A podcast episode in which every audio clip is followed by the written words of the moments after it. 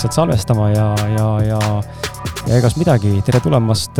tere tulemast kuulama ausalt meie podcast'i, mina olen Kris ja minu tänane kaassaatejuht on Lauret. Lauret Uustalu. Lauret ei ole mitte kordagi olnud ausalt meeste podcast'is äh, kaassaatejuhi rollis. ei ole ole noh, kuna sa oled suhteliselt uus ka, alles tulid äh, eelmise, eelmise Ausad naised podcast'i saatejuhi asemele, siis äh, polegi väga palju tegelikult võimalust olnud, et Elisa on paar korda vist olnud ja, ja nüüd on sinu esimene kord, et äge, mul on hea meel, et sa olid nõus äh, osa võtma ja, ja tulema mulle siia appi äh,. ma saan siin sinuga koos nüüd siis luua äh, ja koos teie külalisega ka luua inimestele, kuulajatele väärtust ja tegemist on aastalõpusaatega äh,, nii-öelda aastalõpusaatega, et siis kaks tuhat kakskümmend aasta kõige viimase saatega, kus on meil külaline. üks saade meil on tegelikult tulemas äh,, kui sa kuulad seda täna kui sa kuulad seda täna, siis äh, üks saade ilmselt on kas ilmunud või on ilmumas, sõltub, millal sa nüüd kuulad, aga ausate naiste ja ja minu vaheline omavaheline kolmene selline trio, trio saate salvestus. mis asjad? see on ka esimene. jaa, see on ka esimene selline. et see tuleb nüüd äh,, peaks nüüd väljas olema juba või tuleb varsti siin detsembri täiesti lõpus või jaanuari esimestel päevadel. ja jaanuarist uue hooga hakkame peale ja, ja lähme niimoodi, et ega siin midagi ei olegi. kaks pool aastat on ausalt meeste podcast'i täis tiksunud, natuke rohkem isegi saateid on ligikaudu kakssada varsti ja kuulamisi peaaegu kolmsada viiskümmend tuhat ja ja külalisi on vist juba peaaegu sada, nii et äh, tulistame edasi ja, ja vaatame, kuhu see tee viib meid, aga enne kui saate juurde lähme, siis ma tahan eh,, tahan, tahan, tahan reklaamida mm, raamatut, et kui sa juba tead, hea kuulaja, siis ausalt meeste podcast'il on tulnud välja raamat Kontaktis endaga ausad vestlused elus ja pildis äh, ja miks äh, elus ja pildis, sellepärast et äh, ausad vestlused elus on siis need saated, mida sa kuuled ja pildis on siis nii-öelda raamatus. et ta on selline mõnus käsiraamat, mis võtab kokku meie esimese ähm, podcast'i esimese saja episoodi külalised pluss minu enda siis mõned kirjutised ja tekstid ja, ja mõttetulvad, kus siis raamatust on võimalik endale ammutada inspiratsiooni, motivatsiooni, leiad küsim-, vastused erinevatele küsimustele, mis sind painata võivad erinevatest valdkondadest juttu tehakse nii rahast, vaimsusest, seksist kui tervisest kui ka eh, spordist ja, ja suhetest ja alaväärsuskompleksidest, hirmudest ja no tõesti on kõigest sajas, sajas esimeses episoodis räägitud ja tegelikult järgmised episoodid ka, mis on tulnud pärast sadat, on eh, tegelikult olnud väga-väga äh, rik-, rikkad nii-öelda sisu mõttes ja, ja loodetavasti kõikide eelduste kohaselt, kui sa oled äh, valmis meid toetama ja, ja see raamat sul hästi läheb, siis me tahaks ikkagi anda kaks tuhat kakskümmend üks aasta lõpus välja ka teise raamatu teise osa, seal siis on ka meie tänane külaline eh, oma, oma sisuga nii-öelda sees. nii et ma tõesti loodan, et sellest raamatust tuleb selline iga-aastane äh, kokkuvõtlik selline käsiraamat, mida siis on võimalik endale öökapile panna või, või kuskile kotti või, või, või isegi, mine tea, suuremasse taskusse ära, ära sobitada, et siin on tõepoolest väga palju häid, häid mõtteid ja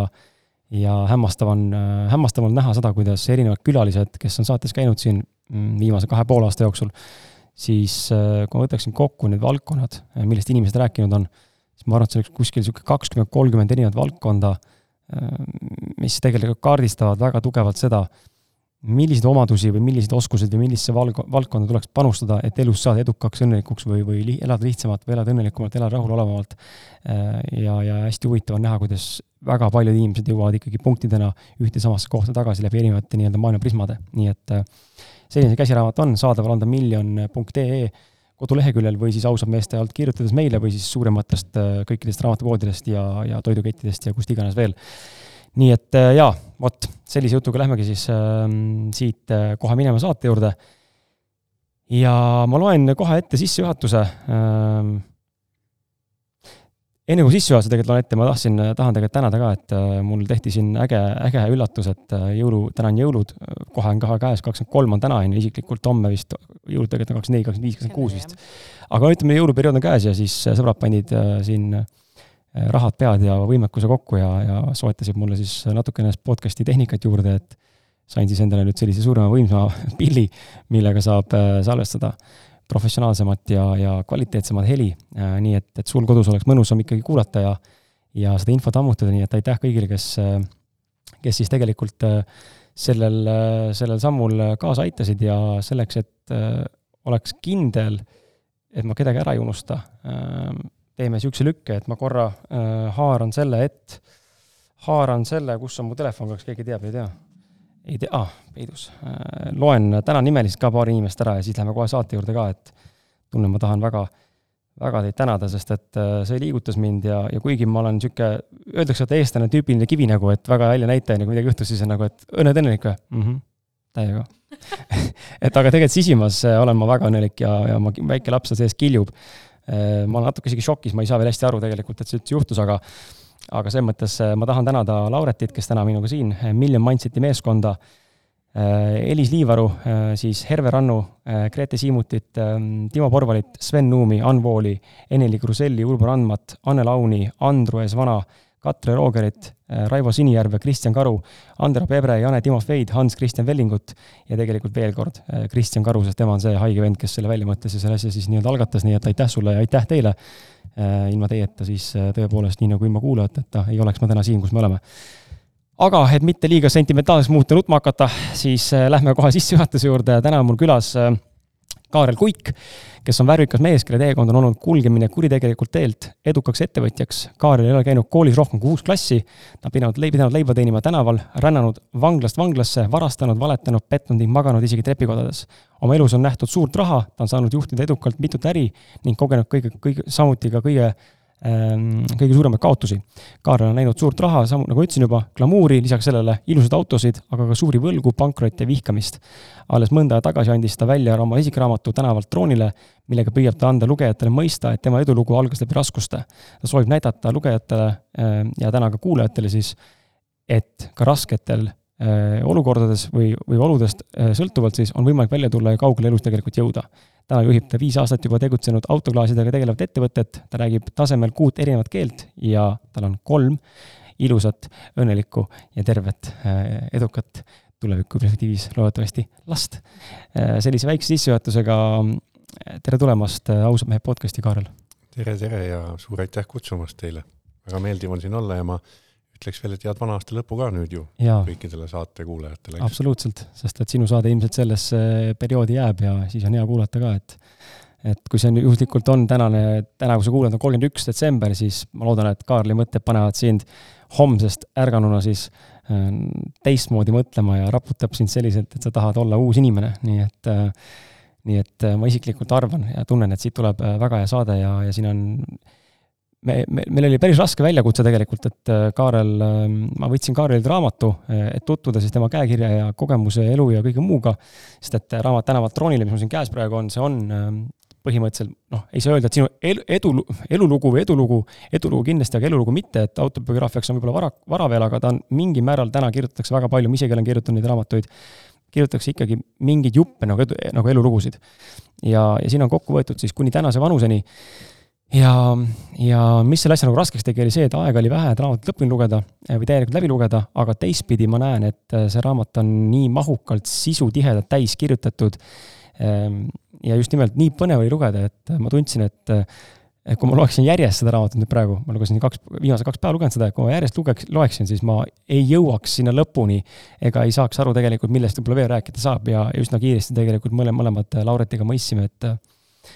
ega ei olegi võimalik äh, Kaarli lugu või seda raamatut täielikult podcast'i sisse ära mahutada, me peame lähtuma mingitest punktidest ja, ja kui sul huvi on, siis äh, tuleb sul see raamat enda ette võtta ja lugeda, sest minu meelest on siin no ma ei tea, ma sain naerda ja ma sain äh, peaaegu et ka nutta mingitel hetkedel, kus ma tundsin, et kui Kaarel on olnud siin kirjutamise hetkel haavatav ja, ja siis ma samastusin päris tugevalt erinevates kohtades, et ähm, mind kõnetasid need lõigud, mida ma lugesin ja need lehed, mida ma nägin ja, ja lugesin ja ma olen kindel, et äh, kui ma selle raamatu lõpuks läbi loen siin nüüd äh,, enne uut aastat siis, siis äh,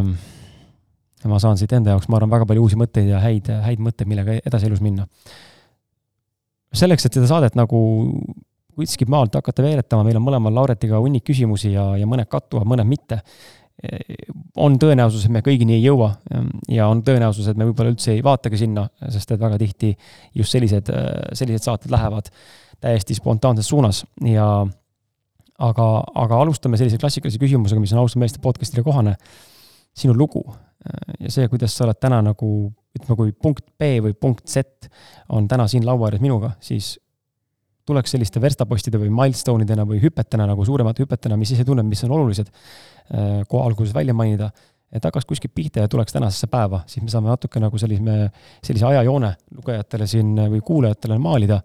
ja, ja siit siis saame minna küsimustega natuke rohkem süviti ka, muidu on muidu vist on natuke liiga, liiga teemaväliselt teemasse hüppame, nii et äh, anna ka tuld, Kaarel, sealt, kus sa tahad pihta hakata. noh, see on mulle raske ülesanne sinu poolt pandud, sest raamat on tõesti äh, kahe aasta jooksul ju valminud ja ma olen kõike seda mõelnud, et mida sinna kirjutada ja nüüd, kui sa annad mulle viis minutit aega, et räägi see lahti, siis ma seda teha ei saa. sa võid ka rohkem võtta aega. ma võin, ma võin, aga, aga, aga jah, et selles mõttes, kui nüüd võtta niimoodi siia laua peale kõik kokku, siis ma olen üks täiesti tavaline Eestimaa poiss, kes äh, äh, juba umbes esimeses-teises klassis sai aru, et mul ei ole koolis äh, midagi teha, see ei ole minu jaoks, ma olen inimene, kes, kellele meeldib luua. Mulle meeldib luua, mulle meeldib teha neid asju, mis mulle teha meeldib, mulle ei meeldi teha neid asju, mis mulle teha ei meeldi ja koolis mulle ei meeldinud ja siis ma valisin enda jaoks sellise noh, kindlasti selles mõttes nagu raskema tee, et äh, tegelikult oleks ju võinud käia ja ja ega siin mingit õigustust ei ole, on ju, aga aga kuidagi need standardid ei sobinud ja ja, ja ma sealt äh, nagu omavoliliselt lahkuma hakkasin. aga kui ma täna, tulen korraks tänasesse päeva, siis ma ütlen, et äh, mitte see, et ma koolist lahkusin, ei ole nagu kuidagipidi õigustatud, aga äh, teinekord raskema tee valik äh, on õigustatud, sellepärast et lihtsamal teel on kõik inimesed, aga raskemal teel on vähem inimesi, seal on rohkem võimalusi.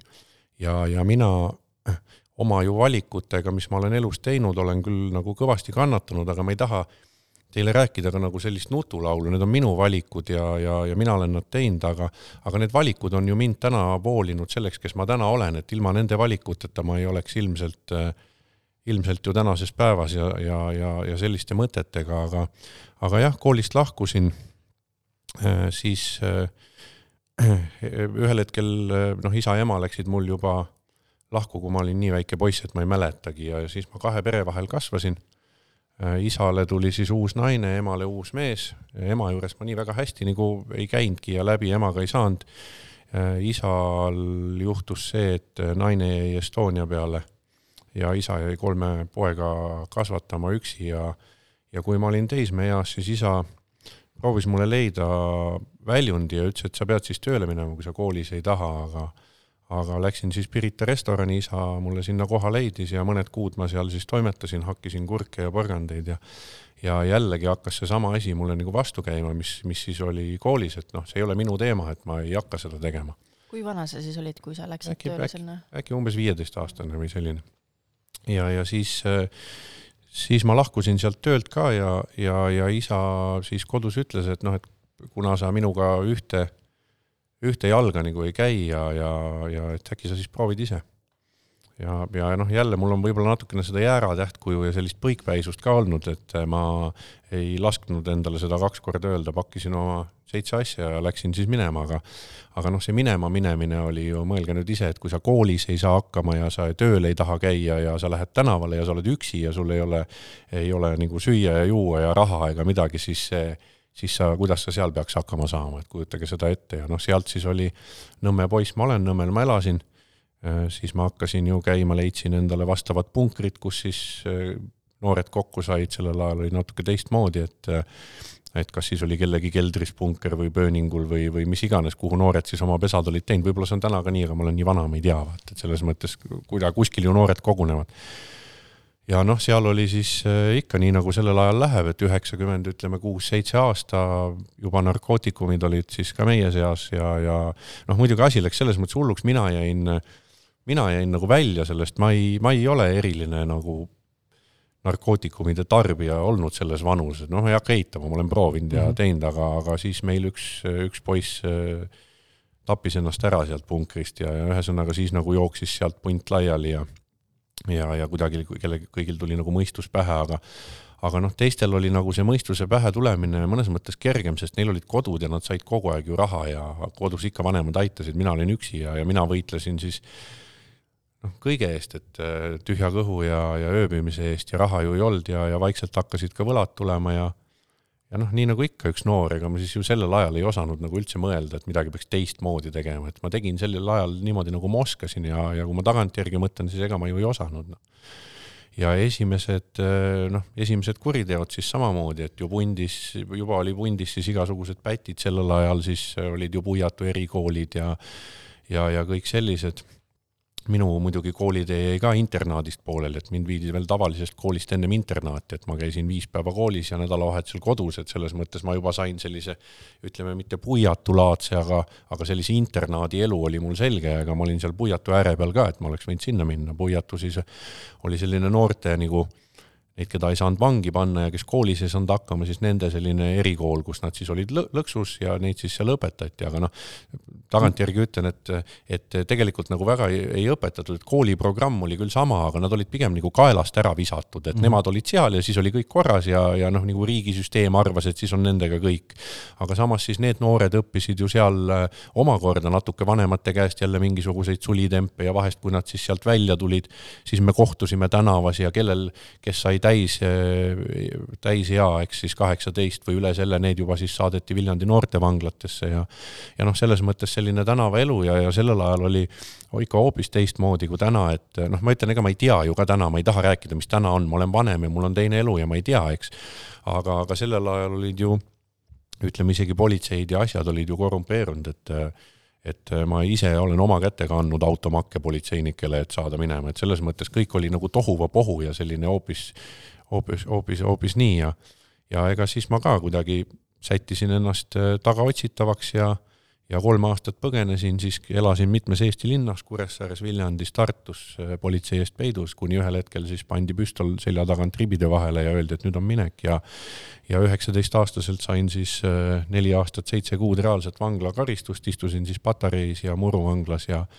ja, ja kui olin oma aja ära istunud, noh, ei taha võib-olla äkki detailidesse nii minna mm, -hmm. sest see kõik on raamatus kirjas ja võib-olla ma räägin praegu ka liiga palju, aga ma arvan, et äkki huvi on mm. -hmm. ja, ja siis äh, tulin välja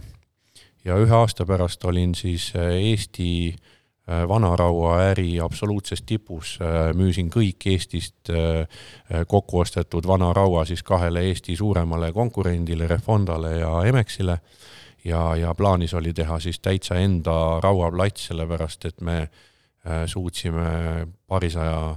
miljoni kroonini aastakäibe kasvatada, et selles mõttes meil oli nii tõusev, tõusev äri ja ja noh, ei räägi rohkem, kuidas see äri lõppes, hüppame siit veel edasi. alustasin siis äh, kahe tuhande seitsmendal aastal autoäri ja, ja autoäris saavutasin ka sellise positsiooni, et äh, samamoodi mitusada miljonit krooni olid äh, meil aastakäibed ja, ja kolmekesi tõime siis iga nädal mitu-mitu sellist luksklassi autot Saksamaalt ja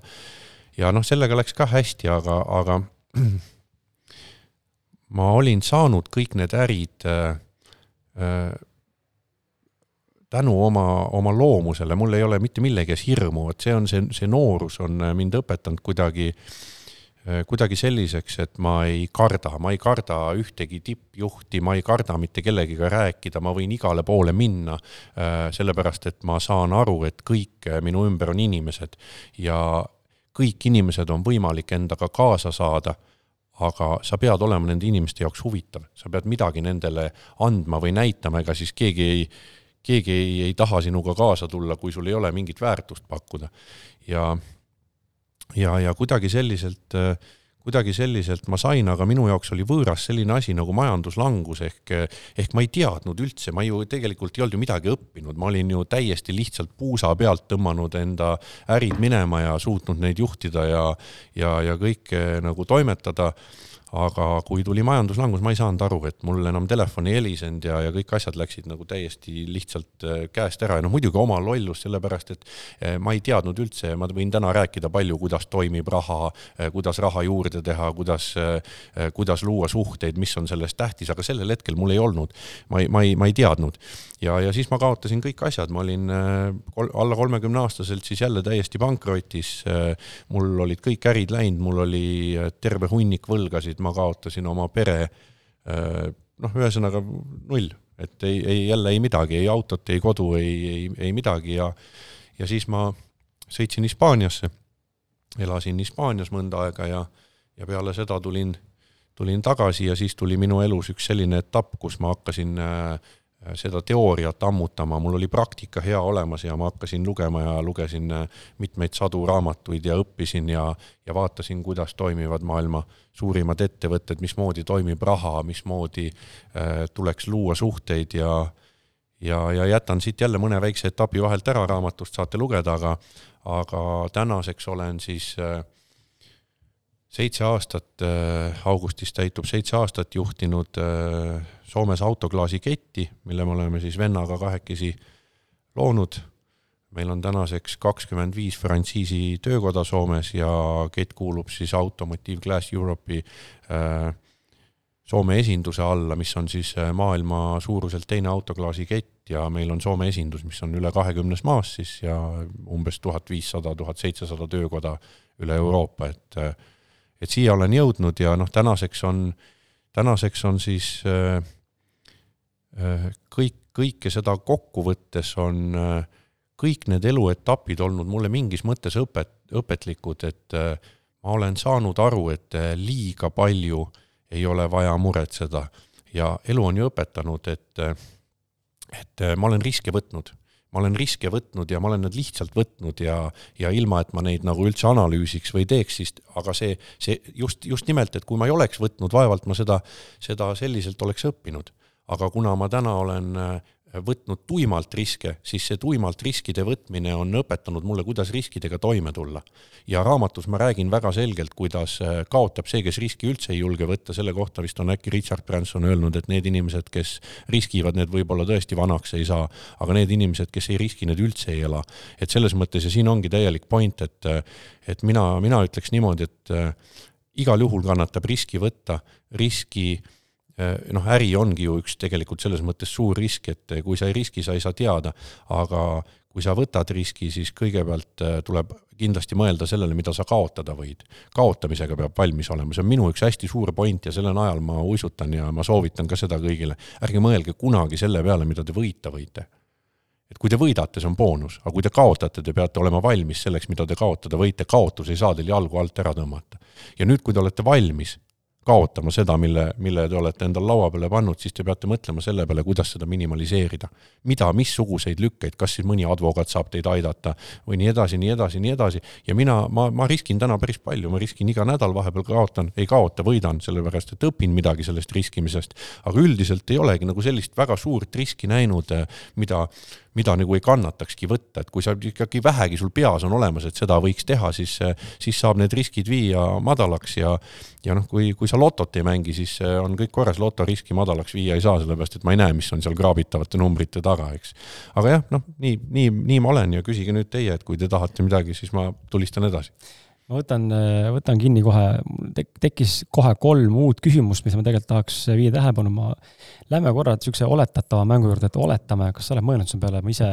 kui lugesin seda raamatust ja sa nüüd natuke mainisid ka seda, sinu vanemate lahutust, ma ise olen läbi elanud ka selle vanemate lahutuse, ma pakun, et väga paljud lapsed või noh, inimesed tegelikult läbi elanud noores eas enda vanemate lahutuse ühel või teisel määral. Minu vanemate puhul läks see samuti läbi kohtuotsuse kuidagi ema kasuks, kuigi ma tahtsin isaga olla, aga lõpuks saingi isaga elada ühesõnaga ka long story, aga mida ma näen, et tegelikult tuleb välja nüüd siin, paar aastat tagasi käisin esimest korda hüpnoteraapias ja, ja siis seal selgus, et äh, ma olen tegelikult jäänud kinni sinna lapse tasandile, sellesse samasse hetke väidetavalt siis psühholoogiliselt kuidagi sinna kümne-üheteistaastase Krisi vanusesse ja, ja olen pidanud astuma siis mingisugusesse justkui enda isale isa rolli. Äh, mitte küll nagu otseselt ma istun isale pähe või olen isa, isal isa eest, aga energeetiliselt kuidagi perekonnas midagi juhtus. Ja ma näen, kuidas mind on mõjutanud ja, ja ma pole uskunud, et see nii on, aga nüüd ma näen, et see on, see on mingil määral tõsi, et äh, mis sa arvad, Kaarel, kui oletatavalt sinu vanemad poleks lahku läinud? Äh,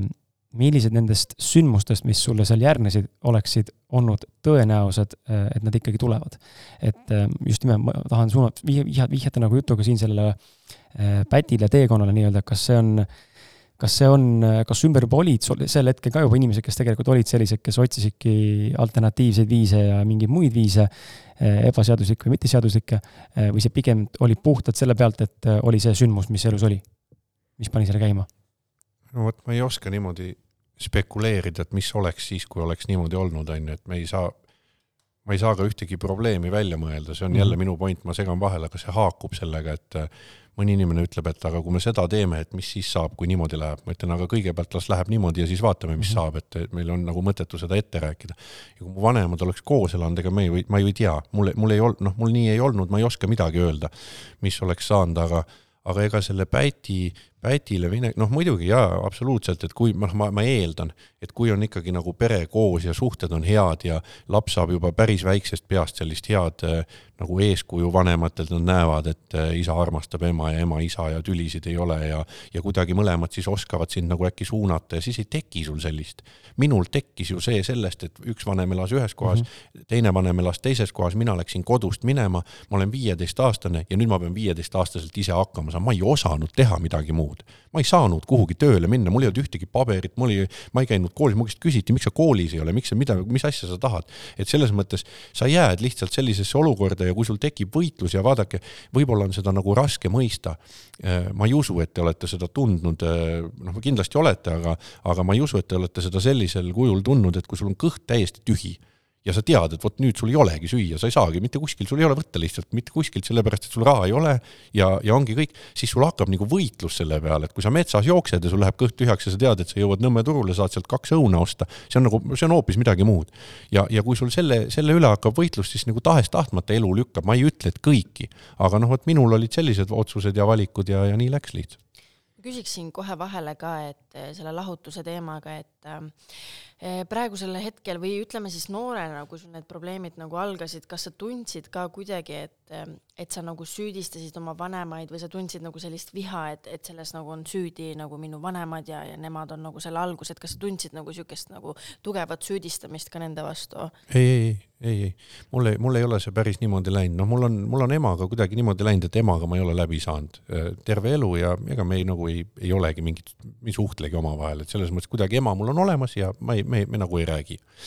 noh, mis need põhjused on, ma ei oska öelda, ma ei taha süüdistada ema, alati kui on kaks poolt, siis, siis on kaks poolt mm, -hmm. medalil on ka kaks poolt, et üks räägib ühte, teisel pool on hoopis teine pilt, eks, et see ei saa niimoodi.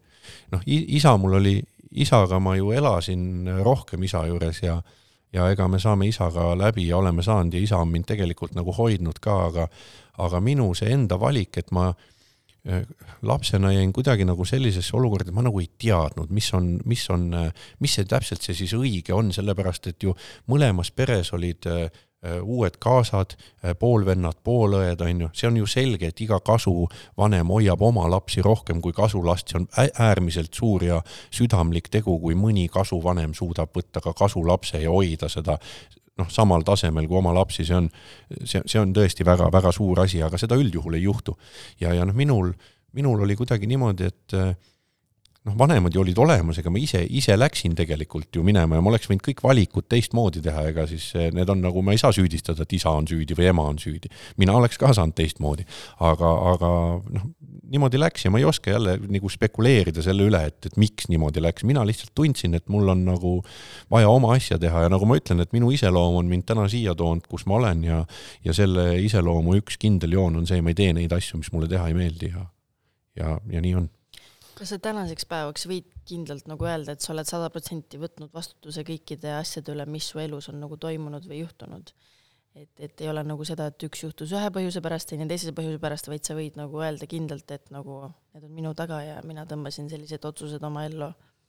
ja, ja muidugi ühtegi inimest ei saa süüdistada, kedagi teist ei saa süüdistada minu tegude pärast, see on ju selge, et mu isa ja ema ei ole süüdi selles, mis mina tegin, on ju. ja ega siis noh, absoluutselt, et ma olen ju, ma olen ju vanglas äh, olnud ja tegelikult ma olen oma karistused kandnud ja, ja ma olen äh, iseendaga rahu teinud ja seda te saate ka raamatust äh, lugeda, mis tähendab tänavalt troonile, et see troon on selline võimas värk, et kuningad istuvad seal, ma ennast ei pea üldse kuningaks ja see troon ei ole kaugeltki see troon, aga aga ma olen täna endaga rahu teinud ja ma olen maailmas leidnud endale sellise, sellise suuna, et kui see võitlus, äh, mida ma olen iseendaga pidanud, on olnud tegelikult äärmiselt pikk ja ja mõned inimesed tahavad jõuda hästi ruttu kuhugi. Kuule, sina jõudsid, et sa oled äh, edukas ja sa oled nüüd need asjad teinud, et kuule, ma tahaks ka niimoodi teha. kümme korda kiiremini. jah, aga mõelge, mõelge selle peale, mida mina olen teinud ja kui kaua mul läks selleks aega, et ma saan kohe nelikümmend kaks, eks ja ma kolmekümne nelja aastaselt alustasin täiesti nullist, selja taga kõik need asjad, mis, mis, mis mul on, on ju, siis see tee on pikk olnud, et aga, aga see tee on, see tee on olnud selline, et ma täna ei karda üldse, ma noh, hästi jälle rumal on küsida, et mida sa kardad kaotada või et kui sa kaotad kõik oma ärid, et mis siis saab, on ju. noh, midagi ei saa, mis need ärid ei ole nagu selles mõttes midagi väärt, et ma, ma ilgelt kardan oma mõistust kaotada sest see, mida ma enda peas täna kaasas kannan ja mida ma tean, see, see aitab mind edasi minna, et ma täna olen valemid leidnud, ma tean suht kindlalt, et ma võin aidata mitmeid ja mitmeid inimesi, äh, kui neil on küsimusi, et mida teha ja kuidas teha. Ja selliseid kohtumisi mul aeg-ajalt on ja sellistes kohtades ma istun ja, ja nõu annan ja, ja küll ma iseendaga ka hakkama saan, sest, sest ma usun, et ma enda, enda teadmistega võin nii mõnegi asja äh, pöörata käima ja, ja, ja noh, häid lambaid ju mahub alati mm -hmm. igasugusesse ärisse või tegemisse kaasa, on ju, et kui sul on siirad soovid ja, ja sa tahad head teha, no miks peaks kellelegi ust näitama, et ma usun, ma saan hakkama ja ma ei, enam nende oma vanade asjadega nii palju ei, ei mõtle, aga noh, absoluutselt noh, vaevavad ju ikka, et nii palju on elu, elu nagu raisatud ja aga noh, vedanud on ka, et millal pankrot ja millal kaotus ja, ja millal äh, vangis istumised, siis ma ütleks niimoodi, et enne kolmekümnendat eluaastat äh, ma, ma olen nagu heas, heas etapis need asjad ära teinud, et äh, kui ma oleksin äh, kuuekümneaastaselt jõudnud selleni, kus ma täna olen või hakkaks neid mõtteid mõtlema, siis mul oleks jõle vähe nagu aega mm -hmm. ju üldse midagi ehitada või nautida, et paha on olnud, aga ma arvan, ma olen suht hästi nagu välja tulnud või ma loodan niimoodi, et mul tuleb meelde see, tahtsingi sinna vahele öelda, kui sa rääkisid seda kogemust, et et äh, kas inimesed on tundnud äh, ja, ja meie ka, kas oleme tundnud, mis tunne see on, kui söögiraha päriselt pole ja kõht on tühi ja reaalselt ei ole nagu söögivõimalust, siis kogesin seda Austraalias äh, viis aastat tagasi umbes, kui me olime niimoodi, et noh, sa saad seda pärast lugeda, ma tõin sulle enda raamatu ka, aga seal ma kirjeldan ka, kuidas meil see teekond lihtsalt läks alguses täiesti totaalselt sõna otseses mõttes perse ja ja igast muud asjad juhtusid ja lõpuks olime rahatud ja, ja, ja siis äh, ma mäletan, me olime võlgu kohalikele kodustele ja, ja kõigile muule ja siis kõht oli nii tühi, et midagi muud süüa ei olnud võimalik osta poes, kui ainult see, et ostsime selle paki koogipulbri. siis ma vaatan, et äh, ongi koogid, mis paned ahju, aga pulbrina, et valad lihtsalt vett sisse, paned ahju, saad kooki. mingid keeksid. et neid tegime endale lihtsalt mingisugused, ma arvan, peaaegu et noh, mingi nädal, ma arvan, mingi paar päeva. et nagu ma olen kogenud seda, see on tegelikult päris, päris hapu ja rõve tunne tegelikult ja on, on ja vaata, kui sa, kui sa peadki nagu võitlema, et ega see üks, üks söök noh, ütleme nii, nii, nii, nii hull ka vast ei ole, et noh, kuidagi me saime ikka ja mul mõned sõbrad siis, kellel ei olnud vanemad kodus, saime sealt midagi, võtsime, mäletan kartuleid, tegime ühe sõbra Anto juures ja noh, ma sain ikka, ega siis nüüd nii hull ei olnud, et ega ma ei käinud äh, väga nagu räbalad seljas ringi ja et mul on nagu täitsa mhm. täiesti põhjas, aga, aga kuidagi ikka võitlus on ja, ja ega siis see noh, see, see tunne on nagu selles mõttes vastik jah, et ega ma olen ju samamoodi ööd väljas äh, lonkinud ja, ja maganud äh, täiesti suvalistes kohtades, et kuhu, kuhu lihtsalt saab ja ega vahepeal pead kellegi juurde saama või on mingi mõte, et kuhugi saad ja siis ei saa ja siis on sul õhtul kell kaheksa selge, et sinna ma ei saanud ja ja nüüd peab edasi mõtlema, et noh, ma olen oma elus nagu üsna mitmeid-mitmeid aastaid äh, selliselt võidelnud, aga, aga mingil, mingil hetkel noh, ega siis, kui juba sattusin nagu selles mõttes nagu selliste pättidega kokku, kes juba oskasid varastada ja kes olid käinud äh, vanglates ja asjades, siis nendega me saime ikkagi kuidagi nagu asjad äh, tehtud, raamatus on ka päris põhjalikult sellest äh, kirjutatud, siis oli raha ka. Ja siis oli selline päti elu, aga siis oli raha ka, aga see oligi juba noh, sa olid juba, juba selles orava rattas, et seal oli uks kinni ja nüüd oli minek, et ega siis enam ei, enam ei mõelnud, et mida noh mm, -hmm. mida ja kuidas hästi hämmastav minu meelest on ja tuleb siit välja ka sinu alguses selle lühikese loo kirjelduse juures ja nüüd tegelikult läbi nende näidete ka, eh, on see nagu põhja kukkumine nii-öelda, vahet pole, kas on siis vangla näide, on see siis, eh, ma ei tea, vanemate lahutus, on see tänavale kukkumine, on see mingi ebaõnnestunud ärid, pankrotid, no mis iganes need ebaõnnestumised on olnud, need löögid nii-öelda elult siis või nende elus tehtud valikute pealt tulnud löögid, ja nüüd sealt tõusmine nii-öelda, et see nagu seda, sa oled seda nagu kukkumist ja nüüd tõusnud seda etappi no läbi teinud niimoodi nagu korduvalt kogu aeg kätranud sama, sama asja piltlikult öeldes. et äh, ma tahaks küsida, et äh, nullist üles enda ehitamine äh,, mida on selleks vaja, et päriselt tulla sellise, ütleme, erinevatest aukudest, erinevast, erinevas mastaabis olevatest aukudest nagu päriselt välja. sest kui sa teed seda korduvalt, siis mingi hetk inimene muuseas murdub. aga sinu puhul tundub, et äh, sa ei murdunud ja sind hoidis mingi asi pidevalt nagu selles mõttes nagu foonis. no õpetage mulle, kuidas alla anda, siis ma proovin see on väga hea küsimus. et äh, õpetage mulle, kuidas see käib, mis siis edasi saab, homme anname kõik alla, lähme, Kris paneb enda kaamera või selle mikrofoni viskab minema ja homme me enam seda ei tee ja ja kodud anname ka ära kõik ja hakkame siis alla andma otsast, et mismoodi see, see ei ole võimalik. minul ei ole see võimalik, et ma ei oska, ma ei ole seda kunagi nagu mõelnud, ma olen kogu aeg lihtsalt nagu edasi sebinud. ja, ja ega sa küsisid, mis on selleks vaja, oli vist sul selline mm -hmm. küsimus, mis on vaja selleks, et edasi minna, ühte asja ainult, ennast mitte kedagi teist, keegi ei saa sind aidata, sa ise ei taha, keegi sind aidata ei saa, pole võimalik. et selles mõttes minul, mina, minul see oli selline tasane protsess, et ma ju läksin kogu aeg edasi, aga kõige rohkem mulle hakkas äh, raha koha pealt käima äh, närvidele selline seik, kus äh, ma sõitsin kunagi autoga Rally Crossi ja isa, isa maksis, isa on võidusõitja olnud terve elu ja ja ühel hetkel isa teatas, et raha on otsas ja ma ei saanud sellest aru, et mis mõttes raha on otsas, et, et kust meil on ta otsas, okei okay,, meil on ta otsas, aga maailmas ju teda on. ja vaata, noore poisina hästi raske on, äh, kui sulle öeldakse, et see, mis, äh, mida sa teed, äh, et sa ei saa seda teha ja see oli kuidagi raske otsus ja sellest hetkest mulle nagu hakkas kuidagi närvi käi-, närvidele käima ja, ja, ja, ja selline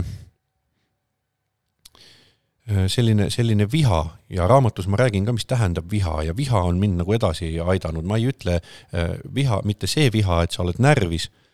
vaid äh, see viha, et mis mõttes ei ole või mis mõttes ei saa. et, et kuidas ei saa, see on, see on, see on võimalik, ainukene asi, mida tuleb teha, on see, et iga saamise või selleni jõudmise teekond on erineva pikkusega. ja kui inimesed saavad sellest aru, et nad peavad tegema neid asju, mis neid sinna lõpp-punktini viib, sest ilma, ilma nad ei saa, nad peavad tegema ja need asjad ei ole kuidagi loetletud, ma ei ütle, et vot sa pead tegema seda, siis sa jõuad sinna. sa pead tegema ükskõik mis asju, mis sind sinnapoole viivad sa pead mõtlema, et nüüd ma teen selle, siis ma kohtun selle inimesega, siis ma loen selle raamatu, siis ma saan selle asja teada. Ja tegelikult selle, selliselt sa ju liigudki kogu aeg oma eesmärkide poole, et sa ei saa nagu maha lasta. ja kui sa iseendasse, kui sa iseendasse ei investeeri, siis öelge mulle, kuidas sa saad midagi hallata, et see on ju väga lihtne, väga lihtne näide, et meie kolmekesi ei tea, ütleme, ma, ma eeldan või noh, ma ei eelda, aga ma ei tea, kas te teate, aga ütleme, et ei tea. Näiteks kalastamisest midagi me tahame nüüd kolmekesi minna kalastama, meist mitte keegi mitte midagi ei tea, me mitte, mitte ükski meist ei viitsi mitte midagi teha selle kalastamise suunal, aga me ilgelt tahame, me ei oska seda. me ei tea, milliseid õngesid osta, me ei tea, missuguseid korke osta, me ei tea, kuhu minna, me ei tea absoluutselt mitte midagi. ja, ja nüüd üks meist, vahet ei ole, kes, läheb poodi, ostab kalastamise raamatu, loeb selle läbi ja me saame homme uuesti kokku, ühel on raamat loetud, öelge, kes meist kõige targem on. see, kelle raamat loetud on. absoluutselt ja see, ja see ongi, ja see ongi ju see point, et äh, ma võin anda sulle raha. ma väga, väga paljude, kes käi-, on käinud minu juures ja küsinud, et kuule, et sa oled teinud sellist äri või kas sul on selle kohta kogemust, et mul on ka üks äri, mul oleks raha vaja. me jõuame ringiga sinna, et tal ei ole raha vaja. ongi nii, sest väga paljud muud asjad on tegemata ja, ja ega raha andmine ei aita. et üks asi on raha anda, teine asi on raha hallata et see, see ei ole lahendus, et ma tahan hakata T-särke tootma ja mul on masinat vaja, sul on veel mitut asja vaja, sellepärast et kui sa siin, sul on masin siin ruumis olemas ja ise sa tead, et sul, äh, sa neid T-särke toodad, aga keegi ei tea, siis äh, mis sa teed nende T-särkidega. et selles mõttes ühe, ühe korraliku paketi kokkupanemiseks on vaja palju, palju muidki teadmisi. ja, ja üldjuhul ei ole raha vaja või on raha vaja palju vähem, kui, äh, kui on inimene ise arvanud, et tal vaja on et selles mõttes palju asju saab teha ka ilma rahata ja mina, minu raamatus on ka see point selge, et äh, raha, raha tegemiseks on vaja kokkuleppeid. väga lihtne. ma tahan hakata podcast'i tegema, mul on vaja tehnikat, aga raha mul ei ole. ma saan teha Krisiga kokkuleppe, et Kris, lase mind siia, ma teen paar podcast'i ja kui mul läheb hästi, siis ma annan sulle raha. kõik, ma olen kokkuleppes teinud raha, ilma et mul oleks seda tehnikat. ja nüüd mõelge see asi lihtsalt suuremaks mõelge ükskõik kui suureks, nii suureks, kui teil pähe mahub ja te saate kokkulepetega üsna palju maailmas asju ära teha ehk siis inimesed ongi, noh, tihtipeale see on ju väga nagu levinud sihuke arvamus, et ollaksegi seal turvatsoonis lihtsalt sellepärast, et mul ei ole raha, et alustada, mul ei ole nagu, mul ei ole ressursse, ehk siis tegelikult sinu üks tugev soovitus oleks see, et see ei olegi esmatähtis, vaid lihtsalt hakka ennast harima, hakka ennast kurssi viima, ole loominguline ja lihtsalt loo ise oma ellu nagu aga kuidas, aga kuidas muud moodi sa saad?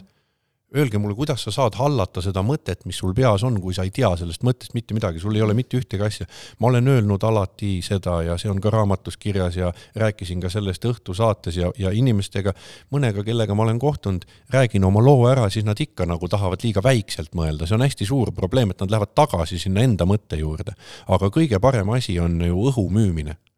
aga sa, sa ei saa müüa musta õhku, musta õhku keegi ei osta saate aru, mis see tähendab? sa pead müüma puhast ja kvaliteetset õhku. ja puhas ja kvaliteetne õhk on see, et kui sa tuled minu juurde ja räägid, et sul on selline äri, ma küsin su käest sada viiskümmend küsimust. ja kui sa saja viiekümnele küsimusele oskad vastata niimoodi, et ma ei oska enam su käest mitte midagi küsida, siis su õhk on kvaliteetne. sa tead seda, mida sa räägid, sa oled selle asja enda jaoks välja uurinud, sa oled seda õppinud, sa oled äh, agar vend, sa oled loonud endale tiimi, ma küsin, kes sul seda teeb, sa vastad, tema teeb seda, tema on selle ala spetsialist, tema teeb seda, mul on selja taga aga see tiim, nemad oskavad seda teha, seda ettevõtet kasutan turunduses, see on mul raamatupidaja, seal on see, see, see, sul ei pea selleks olema mitte midagi. sul peavad olema lihtsalt need kokkulepped, ennem kui sa investorile räägid, et näed, mul selline asi on, aga inimesed üldjuhul, üheksakümmend protsenti inimestest tulevad niimoodi, ma tahaks äri teha, mis äri äh,? mul on äh, ja see on siin, ma ei saa anda raha ma ei saa kaasata kedagi, ma ei saa rääkida seda mitte ühelegi oma sõbrale, et kuule, et mul on selline hea äri laua peal, et me, ma kutsuks sind kaasa, et äkki sa ka saad siia investeerida.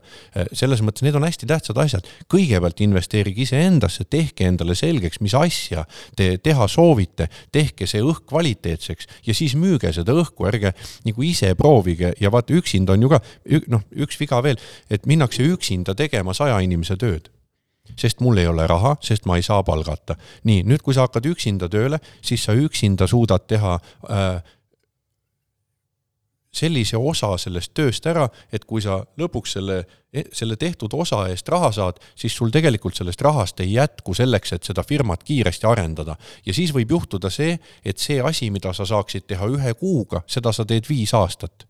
sa jõuadki lõpuks sinna, aga viie aastaga, eks nii. selles mõttes oleks võib-olla lihtsam tehagi see plaan kvaliteetseks, kutsuda investorid, leida, kes, kes tuleb ka kaasa, et saaks ruttu teha. mõistate, et mida rutem sa saad vabaks, seda lihtsam ju on ja ma ei räägi vabaks saamist nagu seda, et sa peaksid ise ära minema, aga näiteks üks päev oli Äripäevas artikkel, et kui ruttu põlevad läbi tippjuhid või äh, mis iganes, kui, kui, kui kõva on see tippjuhi äh, äh, nagu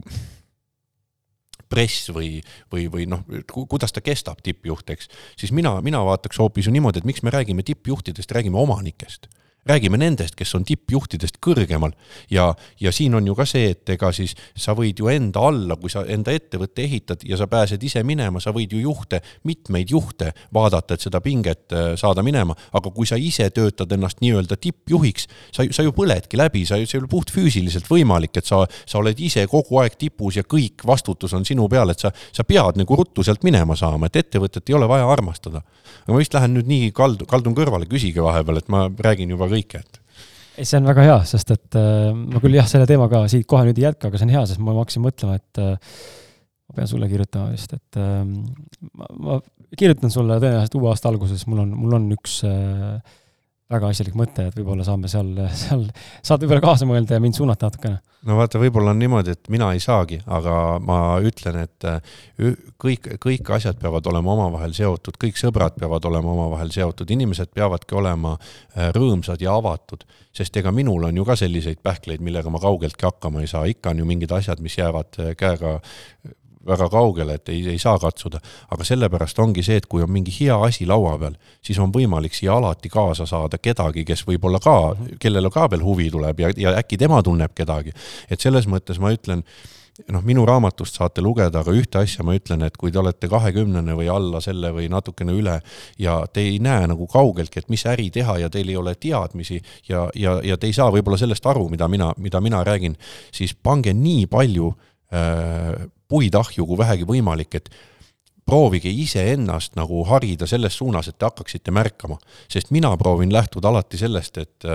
et ära küsi, vaid proovi teada, proovi ise teada, mitte ära küsi. et selles mõttes siis on lihtsam, sul on vundament nagu selle nii kõvaks ehitatud, et sa, sa os, oled nagu kala vees, aga kui sa, kui sul on endal peas sada viiskümmend küsimust ja sa ei oska nendele ise mitte ühelegi vastata, siis see näitab, et sa oled võti ilma sakkideta, sa oled nagu toorik, sa pead kuskilt veel endasse midagi juurde tõmbama. ja vot see kakskümmend ja sealt üles, see vanus on, ärge üritage raha teenida, ärge üritage miljonäriks saada, lugege, lugege, lugege, õppige, õppige, õppige ja siis te ühel hetkel saate tuule tiibades ma siit äh, korra tahtsin vahele veel küsida, et hästi palju läheb äh, neid arvamusi nagu kaheks selle teema osas, et on ühed, kes ütlevad, et äh, selleks, et edu saavutada, sa pead tõesti valama meeletult pisaraid, verd, higi, sa pead pingutama, peab olema raske, aga teised jälle ütlevad, et kui sa teed midagi, mis sulle siiralt südamest meeldib, siis tegelikult see edu ja armastus ei pea tulema nagu nii suure vaeva ja nii suure rängaga, et mis sinu see seisukoht on, et kas esimene või teine? No edu on ka hästi lai mõiste, et mis see, mis on edukas, paljud ehitavadki oma firmad äh, niimoodi üles, nagu ma olen täna rääkinud et hakatakse ise pihta, firma vaikselt kasvab, siis võetakse, laiendatakse seda, eks, siis võetakse juurde töölisi, kes aitab teha, noh, tavaline protsess, on ju, ja ja siin võibki sul olla väga raske ja mina olen ka selle läbi teinud, ma olen näinud mitu korda, kui on väga raske. aga teistpidi ma ütlen, et kui mõelda natukene suuremalt, siis on, on äh, võimalus kohe endaga kedagi kaasata, ehk mõtlema peaks mitte nii, et ma teen kõike ise, vaid kuidas ma saaksin teha nii, et keegi veel aitaks, kuidas ma saan teha viie aasta töö ära ühe aastaga. ja sellega sa väldid äh, hästi palju seda stressi. Ehk siis tegelikult sul on võimalus endal teha ise elu lihtsamaks. absoluutselt, absoluutselt on võimalik, et selles mõttes äh, jaa, mina, mina, mina ja noh, ega mina, ma ütlen ausalt, ma olen jõudnud ka läbi selle raske töö selleni, mida ma täna tean. Ja kui mul on see pagas olemas, siis ma saan ju tagantjärgi analüüsides mõelda, mida ma oleks saanud teistmoodi teha ja absoluutselt kõiki asju, mida ma olen teinud, saab teha teistmoodi. see on lihtsalt äh, väga tähtis äh, enda peas hoida kogu aeg see analüüsi teema ja, ja, ja sa midagi teed, analüüsid, midagi teed, analüüsid ja mina, ma olen enda aju täna treeninud kuidagi selliseks, et ma isegi analüüsin seda, mida ma räägin oma kolmeaastase lapsega. et kas ma rääkisin hästi, kas see olukord, mis oli, kas ma lahendasin selle hästi, mida ma saaks paremini lahendada. üsna tihti ma äh, tegelikult sellest olukorrast endast hiljem analüüsides saan aru, et tegelikult ma jumala valesti tegin kõike. loogiline, mõnes mõttes loogiline, aga see aitab, äh, see aitab nagu paremaks saada endal ja, ja äris samamoodi, et äh, kui sa ei oska, ma saan aru, et sa lähed pikaks, sa lähed pikaks tegema, eks, et sa teed kümme aastat, paned mingit äri käima, on ju, sest sa ei tea, sa ei tea, aga kui sa juba oskad või sa oskad endale mõne mentori, mitu mentorit, veel parem, äh, või mõne investori äh, kaasata, siis, äh, siis sa saad hästi palju hästi pikka tööd teha hästi lühikeseks. võtame siit, lähme, mind, me oleme siin palju nagu nüüd rääkinud, mitte otseselt probleemidest, aga mis mul raamatut lugedes kohe silma jäi ähm,, ja mis näitab väga tugevalt seda sinu mindset'i ja sinu mõtteviisi või üldse inimeseks olemist ka, et äh, mis asi üldse on probleem? kuidas sina probleemi äh, defineerid ja milleks sa üldse probleemi nagu nii-öelda sildistad, et mida sa sildistad probleemiks, sest mulle tundub, et ma ise ka kukun täna sellesse olukorda, kus mingisugused pseudotüüsed asjad, ma ütlen, et näed, see on probleem, see on pahasti, tegelikult see ei ole veel probleem, et see ei ole nagu reaalselt probleem, vaid siis mingi olukord ähm, mis on sinu definitsioon probleemile, sest et sa oled. Äh, ilmselgelt näinud natuke rohkem võib-olla kui tavaline keskmine eestlane? probleem on väga hea asi. probleem on üks kõige paremaid asju, firmas on mul ju ka see, et äh, headest uudistest ei ole vaja rääkida, räägime probleemidest, sellepärast et kui me probleemid ära lahendame, siis me võidame ja probleemide lahendamine ongi see, mis ühe ettevõtte ju lõpuks tugevaks teeb ja nüüd ma tulen äh, tagasi veel selle asja juurde, et inimesed otsivad äri, mida teha Te teate kindlasti väga paljusid inimesi, kes on äh, juba viis aastat äh, või rohkem või vähem otsinud mingisugust asja, et peaks millegagi tegelema hakkama. Äh, kõige lihtsam asi, hakake probleemidega tegelema. et selles mõttes äh, mõned Eesti ettevõtjad on ju, kui te nende peale vaatate, siis nad ei tee mitte äri, vaid nad lahendavad probleeme. mõni mees lahendas ära turvaprobleemi, mõni mees on lahendanud ära äh, kütteprobleemi, mõni mees on lahendanud ära raamatute probleemi, mõni mees lahendas ära lillepoe probleemi, et selles mõttes äh, selleks, et kuhugi jõuda või midagi teha, ongi sul probleemi vaja ja kui sa selle probleemi oskad hästi ära lahendada, paremini kui si-, see, see, kes seda viimati on lahendanud, siis raha tuleb ju sinu kätte. Taxify lahendas probleemi ära, Bolt lahendas probleemi ära, nii et eh, kui probleeme poleks, meil ei oleks raha ja ärisid ka, nii et probleemid on teretulnud. probleeme on vaja. probleeme on vaja, jah jah, tundubki, et ise ka mingites situatsioonides ja, ja inimesi kõrvalt vaadates ka, siis me teeme tegelikult teinekord sääsest elevandi, et tegelikult ei ole midagi hullu, aga me kätt-, me kujutame selle endale nii suureks lihtsalt. aga siis... kui sa, kui sa, Kris, nüüd sellest, nendest probleemidest räägid, ärme üldse nendest ja. räägi, et need on äh, selles mõttes sellised probleemid, et äh, mõnedel on jah, probleem ees ja probleem taga, aga no nagu ma ennem ütlesin ka, minu jaoks on need probleemid ainult probleemid, mis mul laua peal on, need probleemid, mis võib-olla ülehomme tulevad, need ei ole olemas, nende peale ma üldse ei viitsi isegi mõelda sekunditki, mis tuleb, et tuleb, siis tuleb ja kui tuleb, siis lahendame. ja nii, nagu ma ütlesin, peaaegu igale probleemile, noh, mõned probleemid on elus pahad ka, on ju. et kui sul ei ole tervist või tervis läheb käest ära ja arstid ei oska seda korda teha, siis see on suur probleem ja kahjuks ei saa võib-olla midagi teha, ma loodan, et sellised probleemid jäävad ära, aga kõik need olmeprobleemid, nende peale peab nagu laskma chill'ilt, et ei ole midagi sa enne mainisid selle probleemi teemaga seoses, et, et mingil hetkel sa ütlesid, et sa tundsid, et hästi palju oli nagu elu raisatud nii-öelda siis rohkem nooruspõlves. et kas sa praegu võib-olla tunned, et kõik need olukorrad ja probleemid ja juhtumid olid nagu ikkagi mingil põhjusel vajalikud või olid ikka siukseid ka, mille peale sa praegu nagu mõtled, et ma ei tea, kas see nagu oli päris vajalik mu ellu või sa tunned, et iga kogemus oli nagu siiralt vajalik selleks, et jõuda nagu siia? ma ei oska ma ei oska sulle öelda, mida ma enne mõtlesin, aga kui ma ühest raamatust leidsin äh, sellise lause, äh, mida Rockefeller ütles, siis äh, ma tõlgen või ütlen, et see oli selline lause, et ma proovin iga hävingu võimaluseks pöörata. ja kui ma hakkasin seda, seda mõtlema ja lahti defineerima, siis ma sain aru, et minu hävingud on ka võimalus pöörata võimaluseks ja neid hästi ära kasutada. et äh, ma ei nuta selle üle, ma ei, ma ei, noh, ma ütlen veel, et oleks saanud kõike paremini teha ja mul, mul on nagu ikkagi piinlik, et äh, inimesed on ju minu pärast kannatanud, ma olen ju mõne inimese asjad ära varastanud, et see on igatepidi nagu rõve mõelda. no ma olen seda teinud ja, ja ma ütlen ausalt, et äh, see on piinlik, aga aga ka need asjad on ju mulle midagi õpetanud et ka, ka need kõik, kõige, kõige halvemad asjad, mida ma olen äh, elus näinud ja mida ma olen läbi elanud, ju need on ka ju mulle midagi õpetanud, et selles mõttes mina olen nendest ikkagi midagi saanud. ja ma ei saa öelda, et äh, ükski asi, noh, võtke kas või, olete ilmselt lugenud mõnda raamatut, mis äh, ei meeldi on ikka mõni raamat tulnud elus ette, mida loed nagu loed ta ära, aga noh, ta, ta ei meeldi. kas sa ei saa aru, mis seal on kirjas või, või, või ei ole see nagu sinu teema, on ju, või noh, mis iganes. aga ma olen seda tähele pannud, kui ma olen mõne raamatu sellise elus läbi lugenud, mis mulle nagu ei meeldi, siis ma ühe asja olen sealt ikka õppinud tihtipeale on nii ka juhtunud, et sa loed raamatu läbi, sulle ei istu see, see üldse ei meeldi ja läheb kuskil äh, paar kuud mööda, siis mul on olnud niimoodi, et sa mõtled ja siis sa oled mingi, et aa, seda mõeldi seal, et see jõuab nagu hiljem sulle kohale. võib-olla kohe sulle ei pruugigi see nagu. just, võib-olla sa jõuad elus mingisse etappi, kus sa saad sellest mm point'ist aru, sest ega siis mõned raamatud on niimoodi, et minul on, ma olen äh, mulle meeldib rallit sõita ja ma olen vahepeal rallit niimoodi ka sõitnud, et ma olen raamatus mingit ühte lauset või mingisugust ühte lõiku rallitanud niimoodi läbi, et niisugune äh, tunne, et tekstid on kulunud, et aru saada, mida ta nagu täpselt mõtleb. et selles mõttes on no, päriselt, ma rallit ei sõida, aga seal nagu hakkab meeldima, et sa lased, lased, lased, lased ja proovid nagu pointile pihta saada. nii on, jah. Lähme vaata sa noh, sa eelmises, just praegu sa tegelikult natuke rääkisid ka sellest, aga teise nurga alt, et äh, meil on äh, väga levinud selline arusaamine siin noh, karmast mingil määral, eks ole, karma on siin üks termin, termin ja te-, teema, millest paljud räägivad, aga see ingliskeelne lause what goes, goes around comes around ehk siis see, mis sa teed teistele, tuleb sulle tagasi äh, nii heas kui halvas äh,. mina enda elukogemuselt saan seda kinnitada, ma arvan, et Laure, et sina samamoodi, on ju, ma arvan, et sina kuulaja ka saad seda öelda vähemal või rohkem määral, aga äh, Äh, räägi, Kaare, kuidas on lood sinuga olnud, et ähm,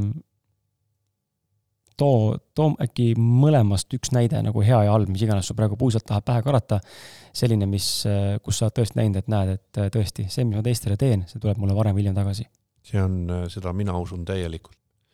et raamatus kirjutan ka sellest karmast ja täna elangi niimoodi, et mõned inimesed on äh, vahest öelnud niimoodi, et aga maailm ei ole nii ilus, et ma peaksin kogu aeg tegema kõigile head või, või et äh, inimesed ei oska seda hinnata. aga mina defineerin seda nii, aga miks sina pead siis selle pärast paha tegema?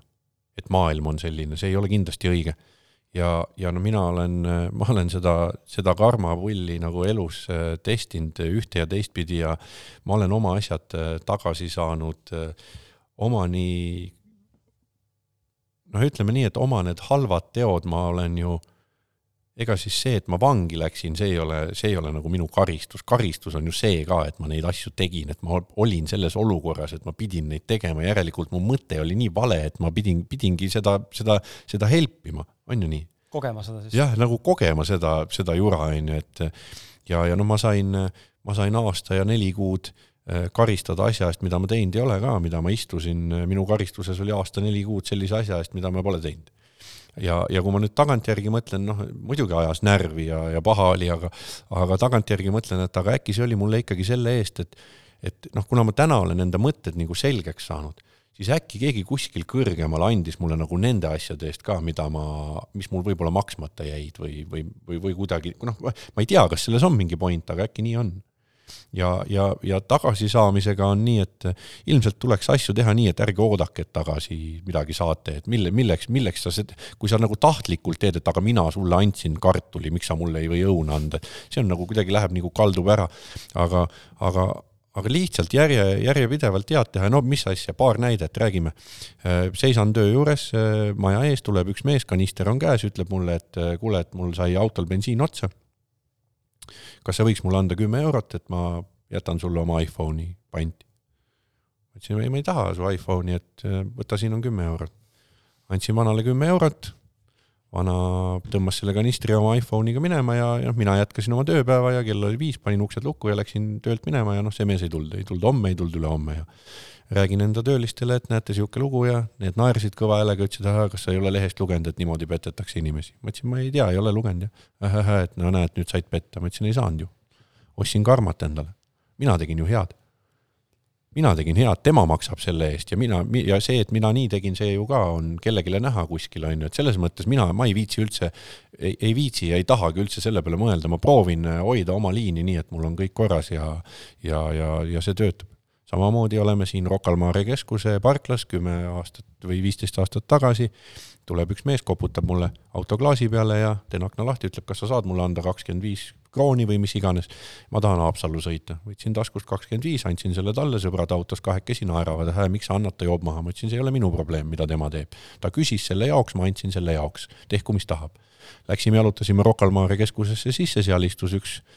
üks inimene müüs lotopileteid, ostsin sealt kolm lotopiletit, andsin kahele sõbrale ka lotopileti, ise tegin lahti, sain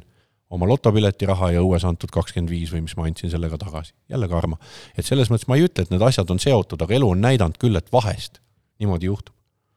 ja pole mõtet nagu mitte mingil juhul hakata nii mõtlema, et ma siis ka ei tee, kui tema ei teinud, tee ikka see on, see on midagi, mis minu, minu, minu nagu reaalsusesse ja ajusse või aiu jõudis siin paar aastat tagasi, ma hakkasin tugevalt aru saama sellest, et selleks, et teistele head teha, ei, ei pea ma ise nagu head saama. või nagu ei, see, see kõlab nagu valesti, aga see võib-olla saab paremini sõnastada, aga just see point, et anna endast julgelt välja ja sulle hakatakse nagunii varem või hiljem tagasi andma teiste inimeste poolt ka. absoluutselt, raamatust loete, anna ja sulle antakse reegel on, see toimib siin elus rohkem, kui te oskate ette kujutada mina andsin inimestele raamatu, inimesed andsid mulle positiivset tagasisidet, nad ostavad seda raamatut, loevad. ma ei ole midagi rohkem teinud, ma andsin lihtsalt oma loo ja kõikide asjadega on niimoodi. kui sa aitad ära nagu jah, jõuame jälle ikkagi ringiga sinna, et ära oota seda tagasi. Aga ma olen, ma olen enda ettevõtetes ka proovinud äh, luua sellist poliitikat, et äh, mitte midagi ei tee meie ettevõttes mitte keegi või noh, mitte keegi, mina, mina ei taha, et meie ette, et minu ettevõte oleks äh, loodud sel-, selle mõttega, et me toodame raha või me teeme raha. see on, see on nagu paha mõte. raha peab olema boonus. Me peame teenindama inimest sedasi, et inimene tahaks meile raha tuua. meie fookus on suunatud teenindamise peale ja vot see ongi andmine ja mina leian, ma müüsin autosid, ma olin ise, istusin automüügikontoris, siis äh, inimesed käisid seal minu pärast, mitte sellepärast, et nad tahaksid sealt autot osta, vaid nad käisid minu pärast. ja ma loodan väga, et äh, väga paljud ettevõtjad saaksid sellest aru, et nende klienditeenindus ja nende firma sisene äh, õhkkond peaks olema selline, et äh, klient tahaks tulla sinna nende inimeste pärast. sest äh, kui, kui teil on valida kahe juuksuri vahel, üks on selline sõbralik ja selline, kellega teil on nagu mõnus rääkida ja, ja, ja kellega on mingit teemat ja kes ise tahab nagu ennast avada, või teine, kes ei taha teid nagu põhimõtteliselt näha, siis te lähete selle ühe inimese juurde, kes, kelle juures on mõnus käia ja, ja selle õpetas mulle isa, isa oli Glorias ja Astorias kelner ja isa ütles kahe sõnaga, võttis kokku, et kõige parem kelner on see, kes oskab rääkida kõigest, selle juurde tulevad inimesed tagasi. Öeldakse ju ka, et müük samamoodi ei olene üldse top üks asi ei ole see toode või see produkt, vaid tegelikult on see inimene seal taga. et see on ka ju tegelikult asi, mis, mis müükides ju kõige rohkem nagu loeb, et ikkagi nagu inimesed ja see emotsioon ja see kogemus on nagu kõige tähtsam. just, no müük, müük algab siis, kui sa oled ära müünud mm siis kui sa oled ühe müügi teinud, siis algab sinu müük ja vot see, nüüd me jõuame jälle ringiga siia tagasi, et see inimene, kes tuleb sinu juurde, saab sinu käest positiivse äh, teeninduse, hea kogemuse, sõbralikkuse. Äh, ta teeb sellel hetkel, kui ta sinu juures on, enda peas otsuse ja see, ja see otsus kõlgub hirmu ja selle, selle vahel, et kas ma siis võtan või ei võta, ühel pool on hirm, teisel pool on, kas ma võtan või ei võta. kui talle jääb positiivne äh, olemine või, või kuidas ma ütlen, siis ta, siis ta kaldub selle poole, et ta ostab, eks. ja kui ta on ostu teinud, siis ta on hirmu võitnud, hirm on kadunud peast, ta tegi ostu, ta usaldas, talle meeldis, äh, ta tahtis seda, seda asja. nüüd ta läheb minema teie juurest. mis te arvate, mis ta oma sõpradele räägib? kuna ta on oma peas murdunud, eks, ta on nagu, ta on, ta on, ta on soovinud teie teenust kasutada ja ta ei ole teie käest petta saanud ja ta on teie teenusega rahul, siis ta räägib ju absoluutselt kõikidele sõpradele, et see on hea firma, sest ta sai positiivse selle. ja siin ei ole, siin ei olegi äh, vaja kaks korda mõelda, et mismoodi on vaja müüa, müüa on vaja nii, et kõik oleks õnnelikud ja selle, selleks ei pea pressima, ei pea rippuma jala küljes või, või, või petma või, või ajama mingit, mingit jama, et mul on kõige parem toode, inimene las otsustab ise, milline on teie toode, müüge hästi lihtsalt, müüge, müüge sõbralikult, olge sõbralikud, näidake, et on, on nagu hea ja chill teiega koostööd teha. võtan siia vahele niisuguse spontaanse mängu, et äh, Kaarel, meil on, äh, meil on äh, üks sinu raamat üle nii-öelda, mis sa mulle saatsid ja ma tahaks selle ühele kuulajale anda ja teeme sellise äh, sellise mm, teistsuguse äraandmise, et see ei ole nagu loos, aga teeme niimoodi, et kui sa seda saadet praegu kuulad, siis äh, ole hea, mine otsi Facebookist üles äh, see saade, ausad meeste podcast'i Facebooki lehekülje alt, otsi üles pilt, selle saate postitus ja kirjuta sinna kommentaariks Kaarliga koos tänavalt troonile ja kes esimesena kirjutab, saab selle raamatu endale. Ähm, ehk siis tähendab seda, et kui täna on, täna on meil saate väljatulemise hetkel on meil äh, kakskümmend viis detsember, kui sa kuuled peale kahekümne viiendat detsembrit, siis ei ole mõtet enam kirjutada. juhul, kui keegi teine pole juba jõudnud, et mine vaata üle igaks juhuks, aga kes esimesena kirjutab sinna sõna eh, või lause siis või fraasi Kaarliga koos tänavalt troonile, saab ühe raamatu koos Kaarli pühendusega endale. ja lähme siit saatega edasi, siis võtame siit vahele sellise küsimuse ka, et mm,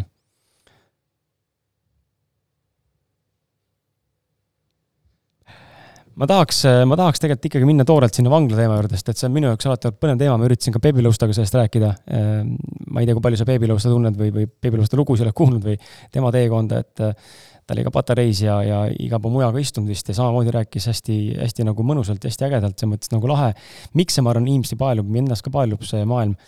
mm ma arvan, et see on nii nagu iga muu äh, valdkonnaga, kui sul on palju teadmatust ja sul ei ole informatsiooni ja see on selline suletud uste taga, siis alati on põnev piiluda, mis seal tegelikult nagu toimub, on ju. üks asi on see, mis meile räägitakse, äh, teine asi mis näidatakse meile nii-öelda avalikke klippe ja siis tegelikult on see kolmas pool, mis on nagu tegelik tõde, on ju, mis tegelikult nagu toimub.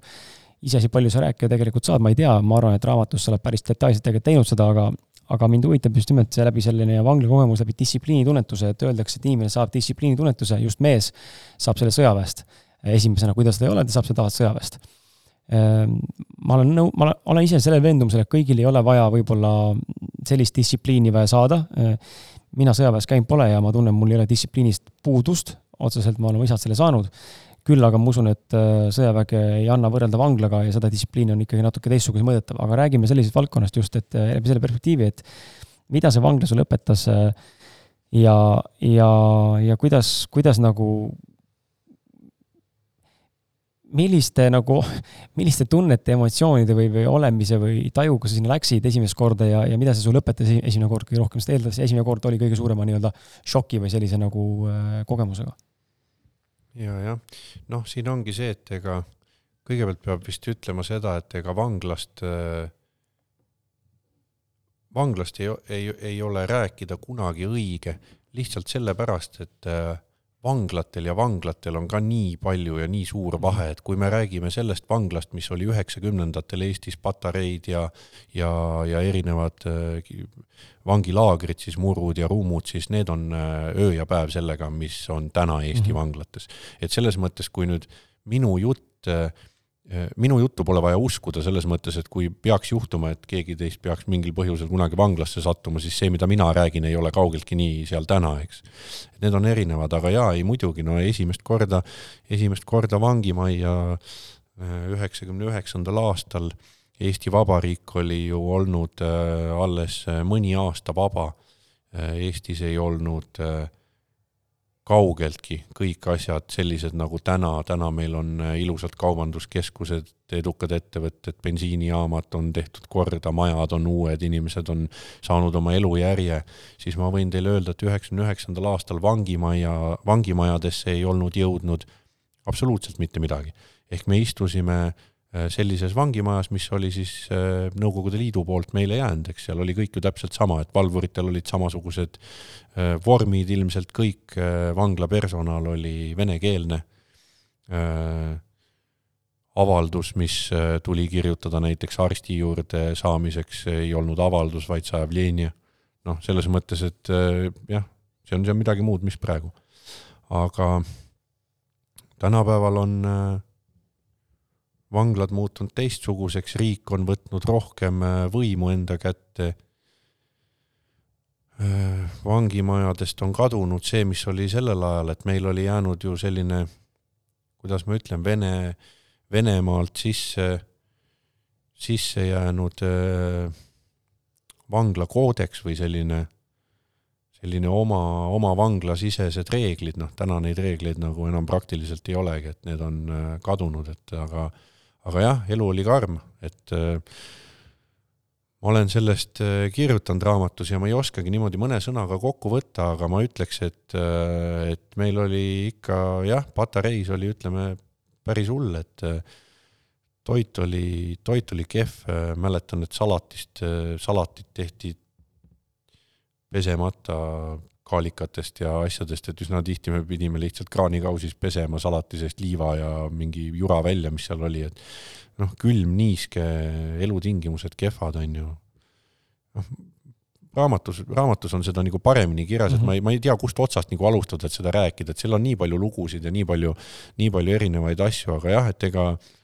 e-, ega sellel ajal mõnus ei olnud jah et.... aga kuidas see noorele poisile mõjus, psühholoogiliselt just nagu et...? ütlen ausalt, jumal tänatud, et ma noor olin et äh, oleks ma vanem olnud, äh, patareikambrid olid ju nii niisked, et äh, valgust ei olnud niisked, siis olid noored silmad, noor organism, on ju. et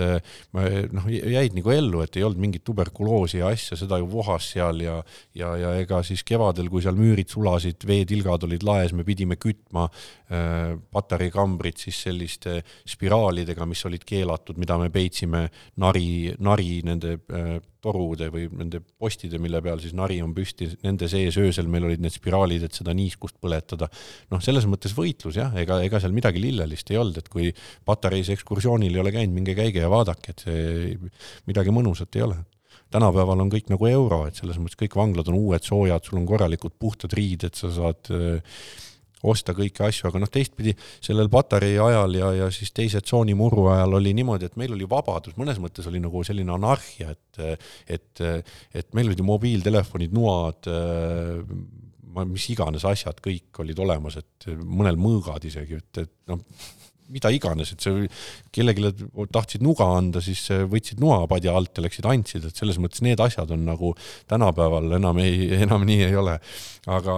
aga noh, ega, ega ei olnud niimoodi ka, ega seal mingit, nüüd mingit nugade andmist ei käinud, ärge valesti aru saage, et et seal olid ju jällegi asjad olid kontrollitud, et igal eluplokil oli, oli Muru vanglas siis oma selline ülevaataja, kes hoidis asjad korras, kelle käest pidi luba küsima kui kellelegi kere peale oli, oli seal vaja anda, siis seda küsiti ja arutati ennem ja aga noh, kuidagi päeva lõpuks oli ikka niimoodi, et kui ühes eluplokis oli kakssada inimest, siis, siis selle kahesaja inimese seast niisugune neljal-viiel kuni kümnel oli, oli ikka iga päev silm kinni ja sinine, et selles mõttes plokis ei olnud mitte kunagi sellist olukorda, kus keegi oleks kinnise pirniga käinud, et et ikka mingi möll käis jah, ja, ja, ja noh, ega ütleme niimoodi, et äh, vohas ju kõik, et narkootikume oli niimoodi, et sa võisid kohe osta, seal ei olnud üldse mitte mingit probleemi, et amfetamiinid, äh, kanepid, kõik asjad olid, annad, viskad suitsu ja plõks toodi sulle, et äh, kindlasti oli sellel ajal lihtsam vanglas endale narkotsi osta kui tänaval, et et see, see kõik töötas ja, ja vist äkki oli kahe tuhande esimese või teise aasta aastavahetus, terve plokk oli teinud salaviina või seda Pragat, mis aeti mm, -hmm. aeti siis läbi ja puhastati, et sellist jooki oli, mina ei oska öelda, kakssada inimest seal oli, ma arvan, et viiskümmend inimest olid ikka täiesti täis. ja, ja, ja, ja noh, ment, ment siis või valvur, kes istus kahesaja mehe peal, oli siis all ploki nurgas oli üks tuba, kus istus ment. see, see ment ei saanud see ment ei saanud seal istuda niimoodi, et ta oleks olnud nagu, nagu valvur ta, ta oli äh, vangidega koostööd tegev äh, inimene, kes täitis oma, oma kohustust äh, siis nagu riigi ees, ta sai selle eest palka, aga kui ta ei oleks teinud vangidega koostööd, siis ta ei oleks seal istunud, selles mõttes, et ta oleks sealt minema aetud. Mm. -hmm. ta ei, ta ei oleks saanud seal olla, tal ela, oleks elatud seljas ja ma võin öelda, et kui plokis tõmmati endal nina täis ja ja süstiti amfetamiini, siis tema vaatas läbi sõrmede, tal oli jumala poogen, ta tegi lihtsalt oma tööd ja ja, ja noh, niimoodi käis ja, ja noh, ma ütlen, et üks nõelumine ja joomine seal käis, et selles mõttes mõttes see oli ikka, nii oli. näiteks kui tahad veel kuulata või tahate kuulata, räägin ühe loo, kuidas äh, toimusid ülevisked. ülevisked olid siis need, mis visati üle vangimaja aedade eluplokkidesse siis väljast narkootikume noh, niimoodi või? jaa, ikka, et pandi tennispalli sisse või mingi palli sisse, eks, äh, üldjuhul need viskajad olid siis need, kes teadsid, teadsid, et kuhu visata, mis, kus kohas siis väljas, missuguse koha peal on missuguse eluploki aed, eks ja siis pidi, pidi, pidi sealt viskama ja, ja noh, kuna mobiiltelefonid olid olemas, kogu aeg oli side olemas, et et sai ju väljas inimesega rääkida, millal vise tuleb ja sai kõik kellaajad ja asjad kokku lepitud, aga sellest hoolimata vahest visati niimoodi, et see äh, tennispall kukkus äh, sapretkasse ehk siis kahe aia vahele ja, ja ega siis ei olnud äh, meie vangide jaoks kaotatud lahing, kui see sinna kukkus. et äh, plokis oli paar sellist inimest, kelle töö oli sabretkast ära tuua neid sinna vahele visatud äh,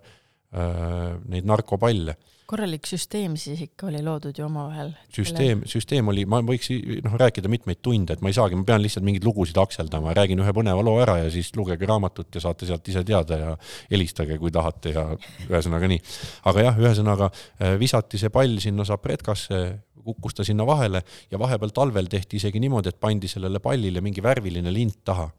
lihtsalt selle põhjusega, et kui ta kukub ja lume sisse lendab, siis lint jääb lume peale, et oleks näha, kus kohas ta on ja siis me proovisime äh, üle aia, üle aia vaadata, et kas me näeme seda, kuhu ta kukkus. ja kui me nägime, siis äh, võeti üks selline mees, kelle töö oli seda ära tuua, kes sai siis selle eest palka, üldjuhul tema palk oli siis samamoodi see narkootikum, mis sealt pidi tulema. ja, ja siis temaga oli niimoodi, et talle pandi püksid jalga, pükste alla pandi siis ajalehed ja linad, äh, seoti ümber jalgade, püksid peale, puhvaika Puhvaikale siis varrukatesse raamatud, äh,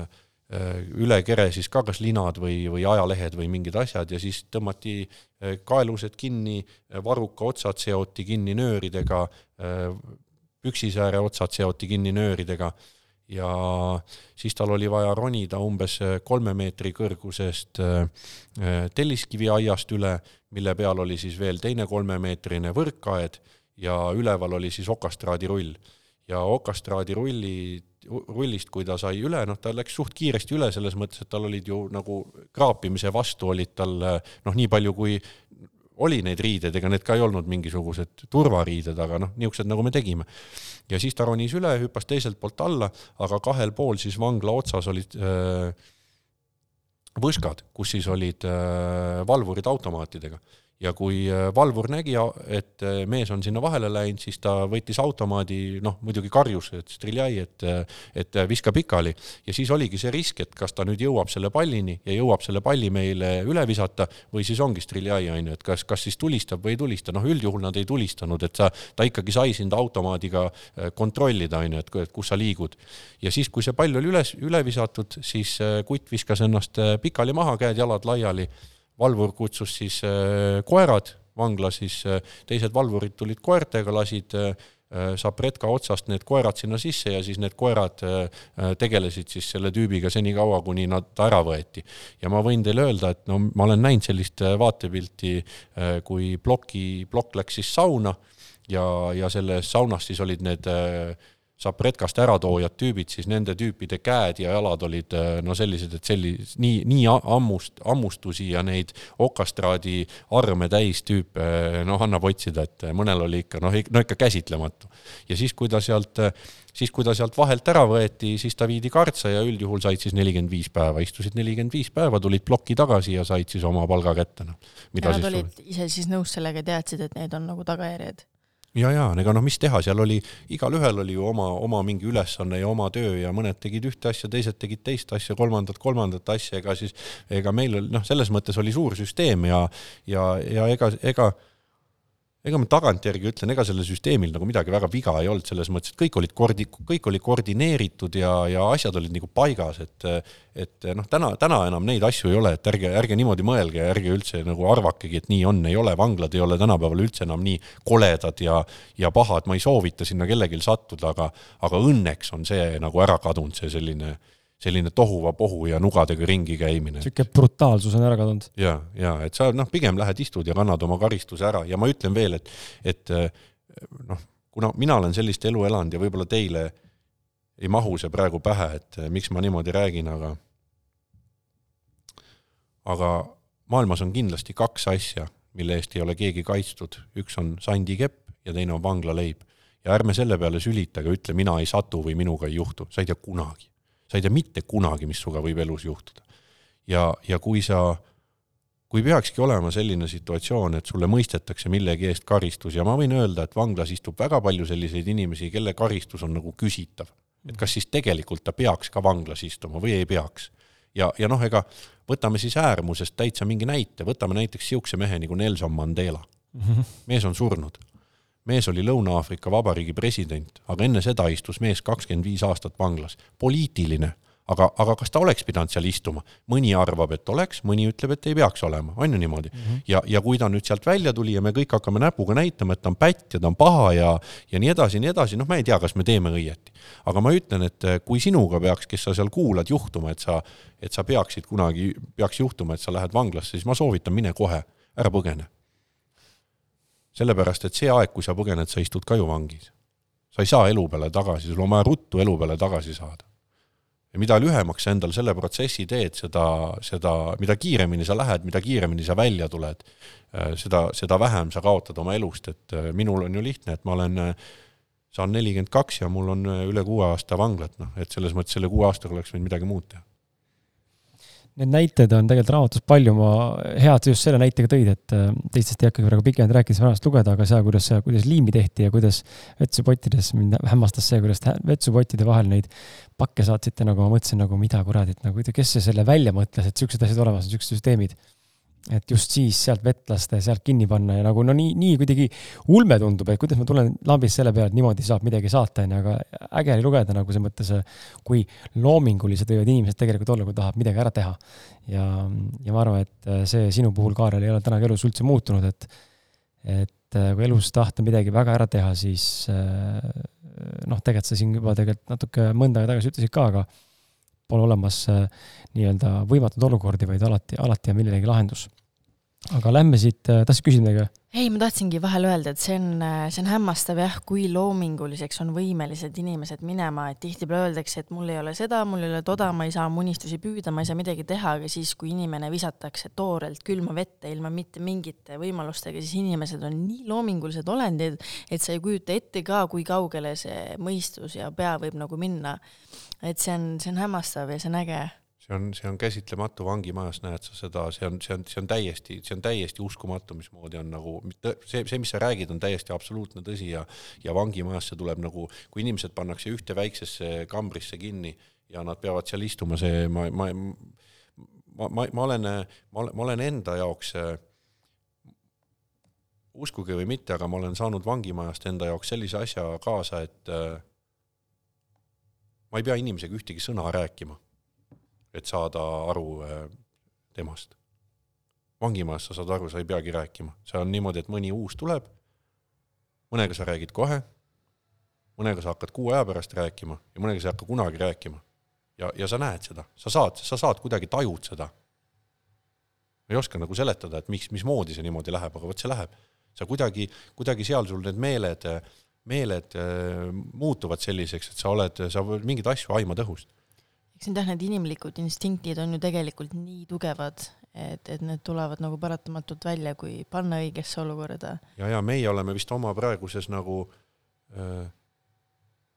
elus või elurütmis kaotame, kaotame nagu päris palju neid ära, et me ei ole Just. nagu päris põhjas, on ju, et nagu me oleksime kuskil Lapimaa metsades elaksime ja ja me oleks hoopis teistsugused, me näeksime mingit, noh, oleks üksi ja mm, -hmm. ja nagu hoopis teistsugused meeled areneks, on ju aga jah, et selles mõttes see on küll niimoodi ja vangimajas äh, mul läks, äh, murus läks äh, aasta aega ennem, kui ma hakkasin aru saama, et mis plokis toimub, mis selles eluplokis toimub. sest iga asi on põhjusega. keegi on kuskil aianurgas põhjusega, keegi kõnnib mingil hetkel põhjusega, et sa hakkad nagu kõrvalt nägema seda, et see ei ole päris niimoodi, et kõik lihtsalt on. see on süsteem. jah, see on süsteem mm -hmm. nagu, seal midagi toimub ma olen nagu üritanud aeg-ajalt mõelda ja ma ei tea, miks me seda mõtleme, ma arvan, et me palju mõtleme selle peale ja lihtsalt fantaseerime, aga ma üritan mõelda nagu, et mis tunne, vaata, mulle meeldis see lause, sa ütlesid siin saate alguses, et sa võtad kõiki inimesi võrdselt ja, ja suhtud kõikide inimestesse nagu noh, suhtled nendega nagu selles mõttes eh, ei ülistavalt ega alavääristavalt, on ju, vahet pole, kes ta parasjagu on. Ja mul on endal samamoodi, et mul on kuidagi siin, noh, see on terve elu olnud, aga selle podcast'i eh, teekonna jooksul ma olen hakanud avastama, et mul ei olegi päriselt eh, olnud mitte kunagi vahet kas mu vastas on äh, täna Kaarel Kuik, Peep Vain või Eesti president, ma võtan kõiki nagu sina vormis, kui see lubatud on, lubatakse teha seda, siis ma nagu tunnen, et mul ei ole nagu sellist, nagu ma vaatan kedagi alt üles või ülevalt alla ja ma näen, kõik on inimesed, me kõigil on oma tee, on ju, keegi ei ole erilisem otseselt või kuidagi parem või kehvem, aga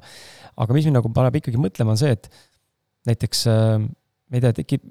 kohati nagu tahab tekkida või niisugune aukartus või kuidagi mingi hirm, eks ole, kui ma näiteks näen mingit sarimõrvarit, et eh, kuidas see noore inimese mõjub, kui sa tead näiteks, noh, kõndisid sa vanga ringi, oletame just esimesed kaks kuud olnud, võib-olla esimesed päevad, ja nüüd sa tead, et eh, noh, sa raamatut kirjeldasid, natuke kirjeldasid ka, aga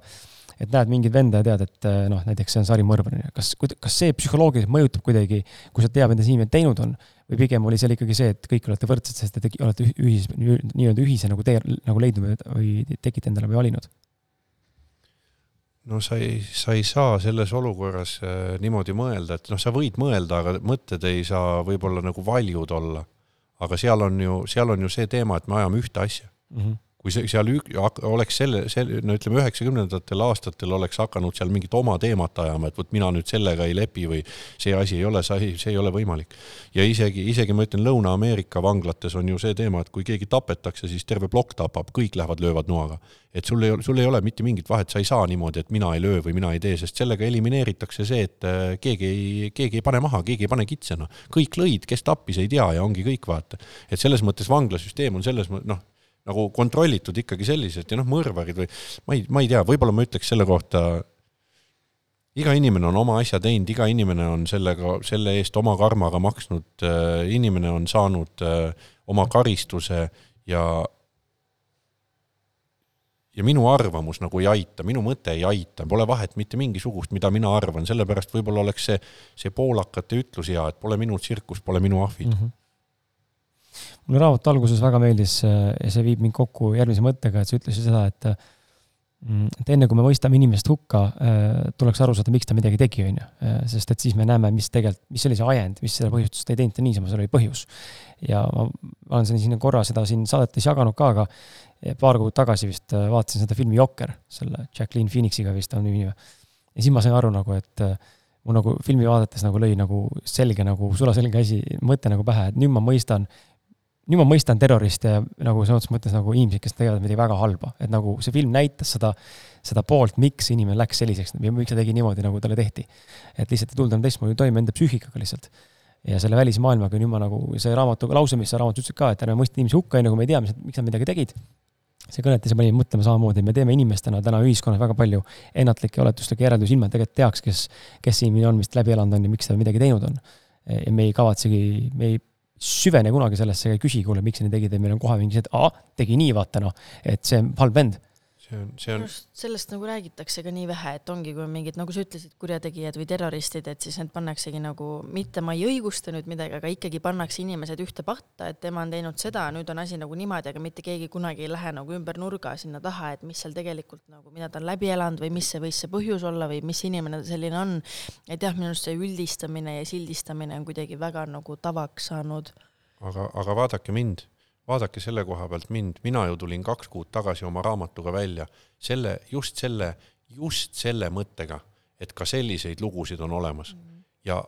kas te saate sellest aru ja ilmselt saate, et mina ju võtsin konkreetse riski, mul oli kahte asja valida, kas tulevad inimesed tomatitega tänavale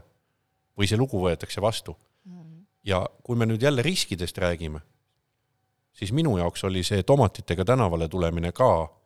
nagu aktsepteeritav, sest mul oli tegelikult ausalt öeldes täiesti savi. ma tahtsin inimestele selle loo anda ja kaks valikut ju oli, on ju, et et see, see on, see on absoluutselt nii ja ma olen mõne korra rääkinud ka ühest Margusest, keda enam ei ole ja see, see lugu on ka jälle see point, et ma olin tänaval koos ühe Margusega ja selle Marguse lugu oli selline, et tema vanemad olid joodikud. mõlemad vanemad. Ja kui see Margus läks kooli, siis tal oli õppimata. ja koolist tema peale näidati näpuga, et näed, tema on rumal, temal on õppimata. sai kahe või ühe. siis ta läks koju tagasi, siis isa andis talle kere peale. et miks sul koolis, miks sul jälle üks on. nii, ja Margus jäi siia kahe vahele. ja nüüd peatselt me leidsime selle Margusega koos ennast siis tänavalt, on ju, Margus oli ka, tema ei tahtnud enam kooli minna, ta ei tahtnud enam koju minna, sest tal oli mõlemal pool, oli error. ja nüüd ta tuli tänavale ja teda tembeldati samamoodi, pätt, on ju, ta ei, tema ei saa hakkama, tema ei oska. konkreetne lugu sellest, kuidas kutt oli hädas, kahekümne, üle kahekümne aastaselt oli narkomaan, süstis ennast surnuks, pole enam. ja ühiskonna jaoks oli pätt aga minu jaoks ei olnud. minu jaoks oli süda tal omal kohal.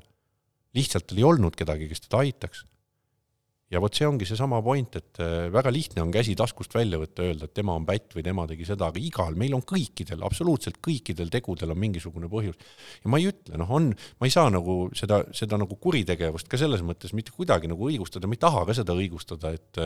et noh, on ju igasuguseid inimesi, on ju, mõni võtab püstol, laseb lihtsalt kedagi maha või ma ei tea, tapab oma lapsed ära või mis, mis,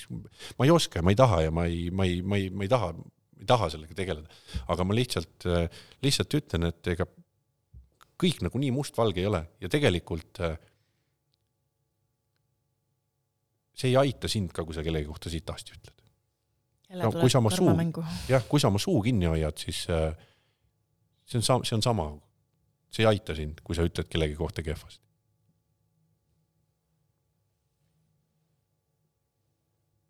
tahad sa, Laura, küsida midagi? Äh, no võib-olla mind juba enne, enne väga huvitas, et ähm, kui sa siin rääkisid, et mis praeguseks hetkeks sa tunned sisimas, et on sinu elu kõige, kõige, kõige suurem ja siiram eesmärk? et sa tead, et sa pead sinna jõudma, see on kõige tähtsam ja sa ei sure enne ära, kui see tehtud on. et on sul praegu mõni selline eesmärk elus? või on sul äkki mõni eesmärk äh, lapsepõlvest, mis on siiani täitmata ja pole muutunud ajas? No on, on, on mõningaid mõtteid, aga noh, mõne, mõne, mõndasid on lihtsalt raske, raske teostada, vähemalt praegu, noh, ma, ma ei, ma ei, ma ei oska niimoodi öelda, aga ma arvan, et kas, kas just eesmärk, aga üks lootus on selline, ma loodan, et mul oleks aega lihtsalt, sest ma olen täna jõudnud sellisesse sellisesse nagu elementi, kus ma nagu tahan olla ja mulle meeldib olla ja ma olen oma, oma asjadega rahul, et mul on pere ja lapsed ja kõik. nüüd ma lihtsalt loodan, et mul oleks aega olla. noh, me ju ei tea, et võib-olla Mhm. ongi, võib-olla ma olen väga vana mees kunagi ja mul ongi aega ja ma saan oma elu ära elada, aga aga tegelikult ega aeg ei tähenda ju ainult seda, et meil oleks aega ja me saaksime lihtsalt olla, vaid ma, ma, ma loodan, et mul oleks sellist äh, nagu mõnusat aega, et ma jõuaksin sellesse, sellesse elementi, kus ma saaksin teha seda, mida ma nagu päriselt ka teha tahan. et, et ega see, ega see kõvasti töötamine ja, ja mingite asjade kallal jauramine ei ole ka ju võib-olla see, mida, mida meie hing nagu päriselt teha tahaks, et võib-olla tahaks sellest tööst nagu kõrvale jääda ja, ja, ja luua mingit väärtust, aidata kedagi ja, ja saada piskut siis sellest, et et, et ma olen oma teadmisi ja oma, oma abi nagu pakkunud, aga, aga niisugust tavalist rõõmu tahaks, tahaks lihtsalt võib-olla lastega jaurata ja olla nagu vaba, noh, see, ma ei oskagi öelda, mis ma siis teha tahaks, aga vot kuidagi nagu tundub, et ainult rabeleda ei tahaks, noh ma küsin ka siis kohe siia otsa, et kuidas sa tahad, et sind mäletatakse kunagi? et kui inimesed sinust kunagi tulevikus räägivad või sind meenutavad, siis kuidas sa ideaalis tahaksid, et sinust nii-öelda, mis märk sinust oleks nagu maha jäänud?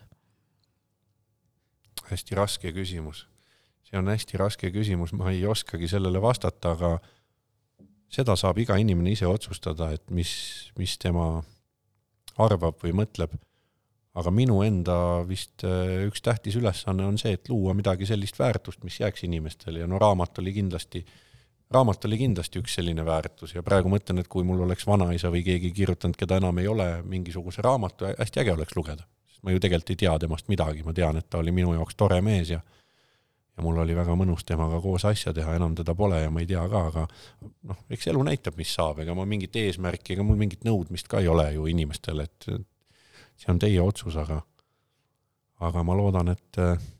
ma loodan, et kui ma siit kunagi lähen, siis ma lähen sellena, kes ma täna olen, mitte mitte sellena, kes ma olen olnud, et ega mulle see enda minevik rõõmu ei paku, ütlen veel, et tahaks äh, jutu viia rahateemade juurde ja kuna raha on nii populaarne ja selles mõttes hästi äh, kohati laialivalguv kohati ka selline, millest aru ei saada ja samal ajal ühel õnnestub väga hästi raha teenida või raha teha, teisel jälle mitte. su enda lause täna oli see, küsi, kuidas raha teha ja ma suudan leida mingid viisid teile või anda nõu, kuidas raha tekitada, on ju, või rahast raha teha. mina pean tunnistama täna, et ma ei oska rahast teha reaalselt, ma näen, et mul on täna see nii-öelda probleem, ma ei saa aru sellest äh, ja sellepärast ma olen täna niisuguses situatsioonis, nagu ma omadega olen ka äh, ajutiselt.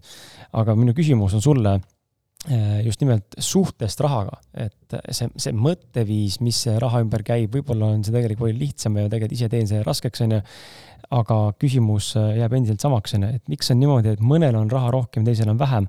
üks sõidab Bentley'ga, teisel pole söögiraha. sest need on nagu nii retsid vahed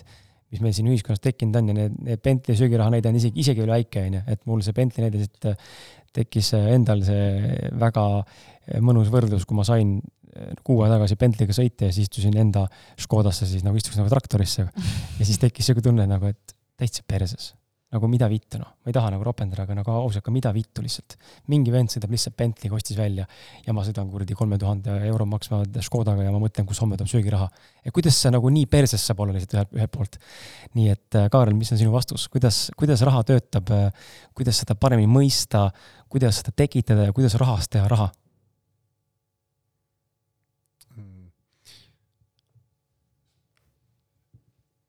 jällegi me jõuame siia, et sa pead või sina või, või siis ükskõik kes peab looma ju mingisuguse plaani. et ilma plaanita sa ei, sa ei saa ja, ja ma võin sulle öelda, et see, et üks sõidab Bentley'ga ja teine, teisel ei ole söögiraha, sa usuks, kui ma ütlen sulle nii, et nad teenivad ühepalju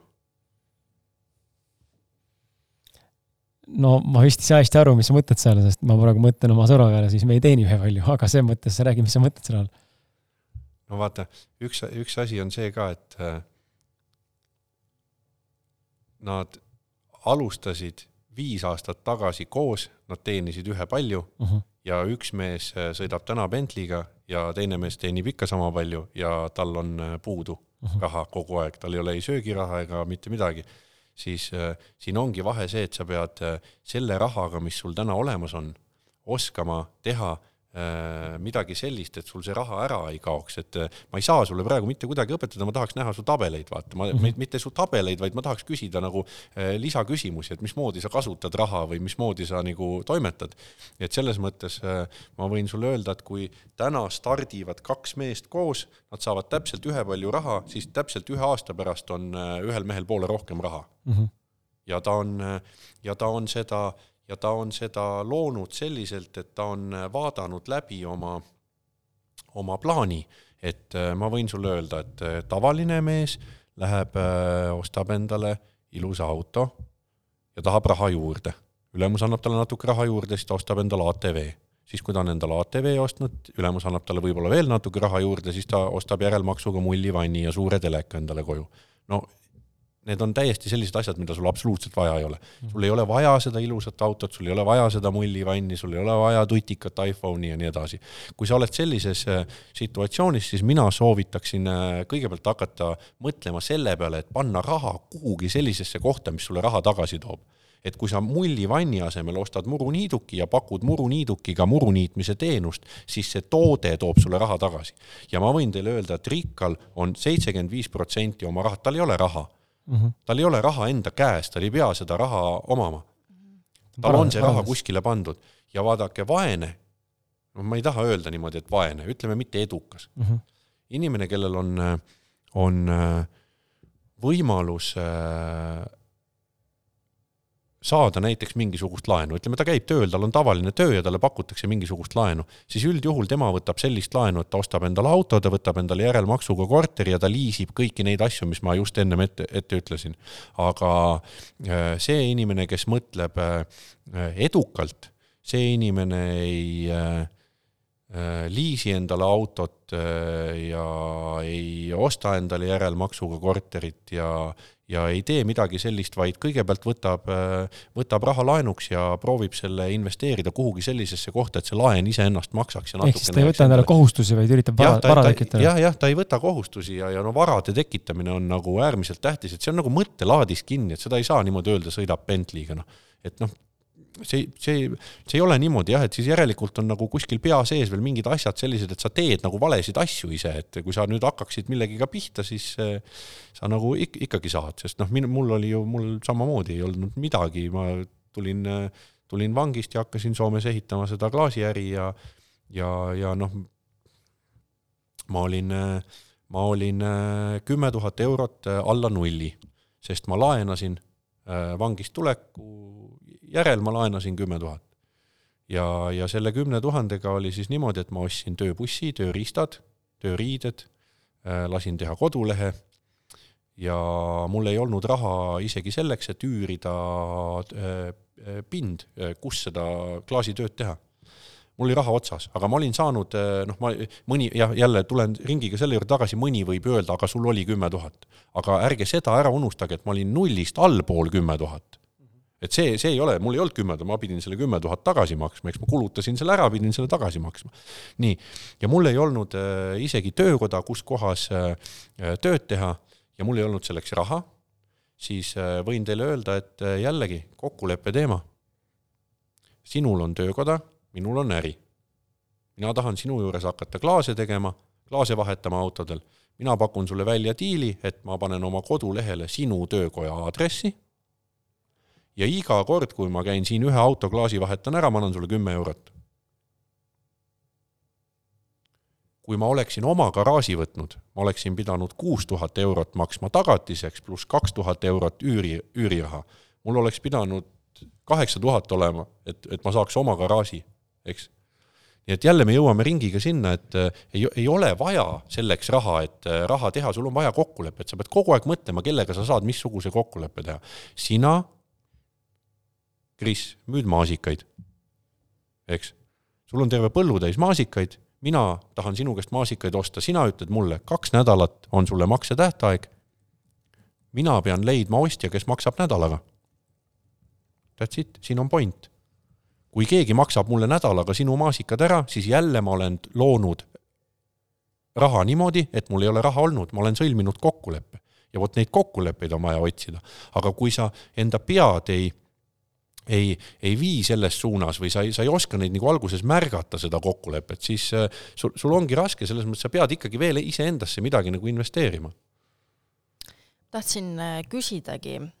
sa mainisid laenuteemat ja no siin ei ole muidugi õiget ega valet vastust, kui sa ole, kuulad äh, nüüd maailma tipp, mingeid ärimehi ja edukaid, edukaid inimesi, siis need arvamused lähevad täpselt äh, kaheks laenude koha pealt, et on need, kes ütlevad, et laen on tegelikult ainus viis, kuidas nagu jõuda kuskile, et sa saad seda kasutada, et äh, refinantseerida, investeerida, mis iganes, ja on teine pool, kes ütlevad, et mida rohkem sa laene võtad, seda rohkem sa ennast auku kaevad ja see ei ole viis, kuidas edukaks saada, et ainuke viis on ikkagi raske töö ja kogumine. tõmbame, tõmbame, tõmbame siia kriipsu vahele kohe selles mõttes, et on olemas kahte erinevat laenu, üks on hea laen ja teine on halb laen. kui seda, kui sellest aru saada, siis küsimus ongi, millist laenu võtta, kas head laenu või halba laenu ja, ja kogumine, noh, kogumine, ma küsiks, ma küsin äh, siis vastu, et las see, las see rikas inimene räägib mulle sellest kogumisest, et kui ma käin, äh, käin tööl, saan, äh, ma ei tea, tuhat eurot palka, maksan sellest oma asjad ära ja mul jääb viiskümmend eurot kogumiseks kogumiseks, mitte investeerimiseks, kogumiseks. see tähendab seda, et ma panen selle viiskümmend euri endale kappi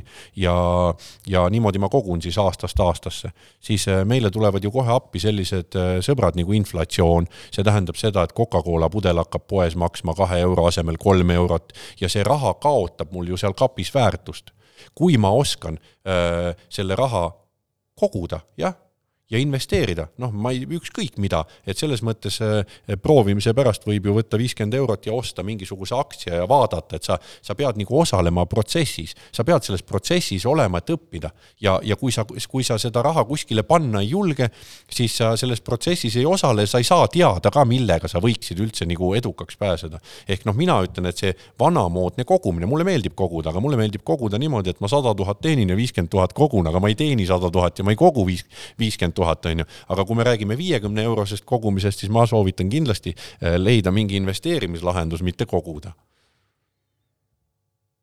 vot Vene ajal vist oli nii, et sul oli, sul, sa võisid saada nii palju raha, et sa, sul nagu jäi seda raha üle, sa ei saanud seda kuhugi raisata, sellepärast et kümme kopikat maksis bensiinipaak, äh, leivapets maksis äh, viisteist kopikat, on ju, või noh, mis iganes need hinnad olid ja sa said sada rubla palka, siis sa, siis sa saidki nagu koguda, said päris palju koguda, aga tänapäeval mina, ma ütleks, et pigem kogumine on täitsa,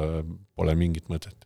Praegu levivad ka Instagramis ja Facebookis igasugused sellised, ma ei tea, kuidas neid nimetatakse, mingid abi pildid või kus näidatakse ka, et mida sa peaksid tegema, kuhu sa peaksid investeerima, et rahaliselt oleks nagu hästi. ja siis mul on ka silma jäänud, kus on ka öeldud, et kui sa hakkad näiteks kahekümne aastaselt, paned seal iga kuu sada euri kõrvale, et siis noh, vot selleks ajaks oled nagu miljonär. ja siis ma olen alati nagu mõelnud ka, et, et ma siis nüüd panen, olgu ma siis panen nüüd sada euri iga kuu nagu kõrvale ja siis, kui ma olen nagu kaheksakümmend, üheksakümmend, et siis mul on see miljon käes, et see ei ole nagu noh, ei tundu nagu loogiline viis, kuidas sa võiksid nagu omale varandust teenida, et mida sa siis terve see ülejäänud nagu eluteed, et ootad siis nüüd, millal see raha kokku saab, et et jah, et ma selles osas tahtsin nagu tahad, ma vastan sulle ausalt, sul ei ole vaja ei miljonit ega varandust, sul ei ole sellega absoluutselt näide, mitte midagi peale mhm. hakata. sul on vaja seda stabiilsust, et sul on asjad korras. Mm et sa oled õnnelik, vaata, kui me rabeleme selles situatsioonis, et meil ei ole söögiraha ja meil ei ole, meil ei ole midagi ja me ei saa oma üüre makstud ja me oleme nagu raskes olukorras, on ju, siis sellest välja rabelemiseks tegelikult sul ei ole vaja väga suurt pingutust, sa pead, sa pead natukene lihtsalt olema tubli ja, ja möllama ja sa teenid oma raha, on ju. ja kui sul jääb natukene seda raha üle ja sa seda investeerid, ma võin sulle öelda, sul ei ole, sada aastat ei ole sul vaja sadat miljonit, et kui sa ära sured. sul ei ole mitte midagi sellega peale hakata see on tore, kui sa selle, selleni jõuad, aga tavalise inimese tavalised vajadused, kui on rahuldatud, on ju kõik korras, on ju niimoodi? ja ta on tegelikult et, üsna primaarsed ja tegelikult väiksed. jah, absoluutselt, et noh, mina ütlen ka, mina, ma olen täna sellesse olukorda jõudnud, et mul on, mul on nii palju raha, mul on varasid ja asju ja mul on mitu ettevõtet, mis kasvavad omasoodu ja, ja kõik nagu töötab, aga ma ei tea, kui palju mul raha on ja mind nagu see ei koti ka, kui palju mul raha on, selles mõttes, et ma saan, ma saan, ma saan oma asjadega hakkama ja ma ütlen, et ega see, et keegi sõidab Bentley'ga ja elab mingisuguses äh, hästi suures majas, see on ka kõik hästi tore, aga see ei ole vajalik. Mhm. see, see ei ole see, mida, ärge, ärge elage selle, selle nimel või ärge, ärge nagu proovige seda võtta, et mul peab olema iPhone kaksteist, mul peab olema Louis Vuittoni kott ja mul peab olema Bentley ja mingid asjad, mille jaoks, kellele, milleks. võtke maailma tipprikkad, vaadake maailma esimest viite venda, vaadake, mis nendel on seljas, vaadake, mis nendel on jalas ja vaadake, mida nad terve oma päevaga teevad, siis nende eh, kindlasti prioriteet ei ole see, et Bentley'ga ringi paarutada linnas no.. nii et, et noh, laske, ärge seda nii väga lugege, seda, mis ja kuidas, olge tublid lihtsalt ja proovige hakkama saada mm,. küsiks siia lõpupoole ka, meil on jäänud natuke alla kahekümne minuti, et ähm, selline mind huvitab ikkagi see pool ka, et äh, kui me räägime nüüd positiivsest poolest, just see vanglaperiood ja, ja ütleme, see allmaailm või, või kuritegelik maailm, äh, mida on sealt või mida sa oskad tuua välja positiivset, näiteks ühe või, või midagi kaks sellist eriti olulist äh, taipamist või, või mõistmist, mida tavainimene, tavakuulaja, kes meid täna kuulab, tegelikult saab ka elus, elus nagu reaalselt rakendada, ilma et ta peaks seda kogema. mida sa saad sealt üle tuua, mis on olnud õpetlik, mis on olnud kasulik, mis aitab kuidagi edasi kedagi? Ehk siis positiivset poolt ma võin täiesti sada protsenti kindlalt öelda, et äh, isegi võib-olla natukene on see uskumatu, et mis mõttes mingis kuritegelikus maailmas, et mis, mis su sõna maksab või mis sa, mis sa nagu, kuidas see võimalik on, et sa oled ju pätt, on ju, et see on niisugune tavaline arvamus. aga ma võin teile öelda, et kui te teete äri või ehitate midagi üles, siis see on väga suure tähtsusega, et su sõna maksaks. Et see õhk, mille sa laua peale tõstad ja see, mida sa kellelegi edasi müüma hakkad ja see, kuhu sa teisi inimesi kaasad, saaks täidetud mm. -hmm. ja vot see on kuidagi sellest, selle maailma selle maailma teema, et kui su sõna ei maksa, siis sa selles maailmas hakkama ei saa.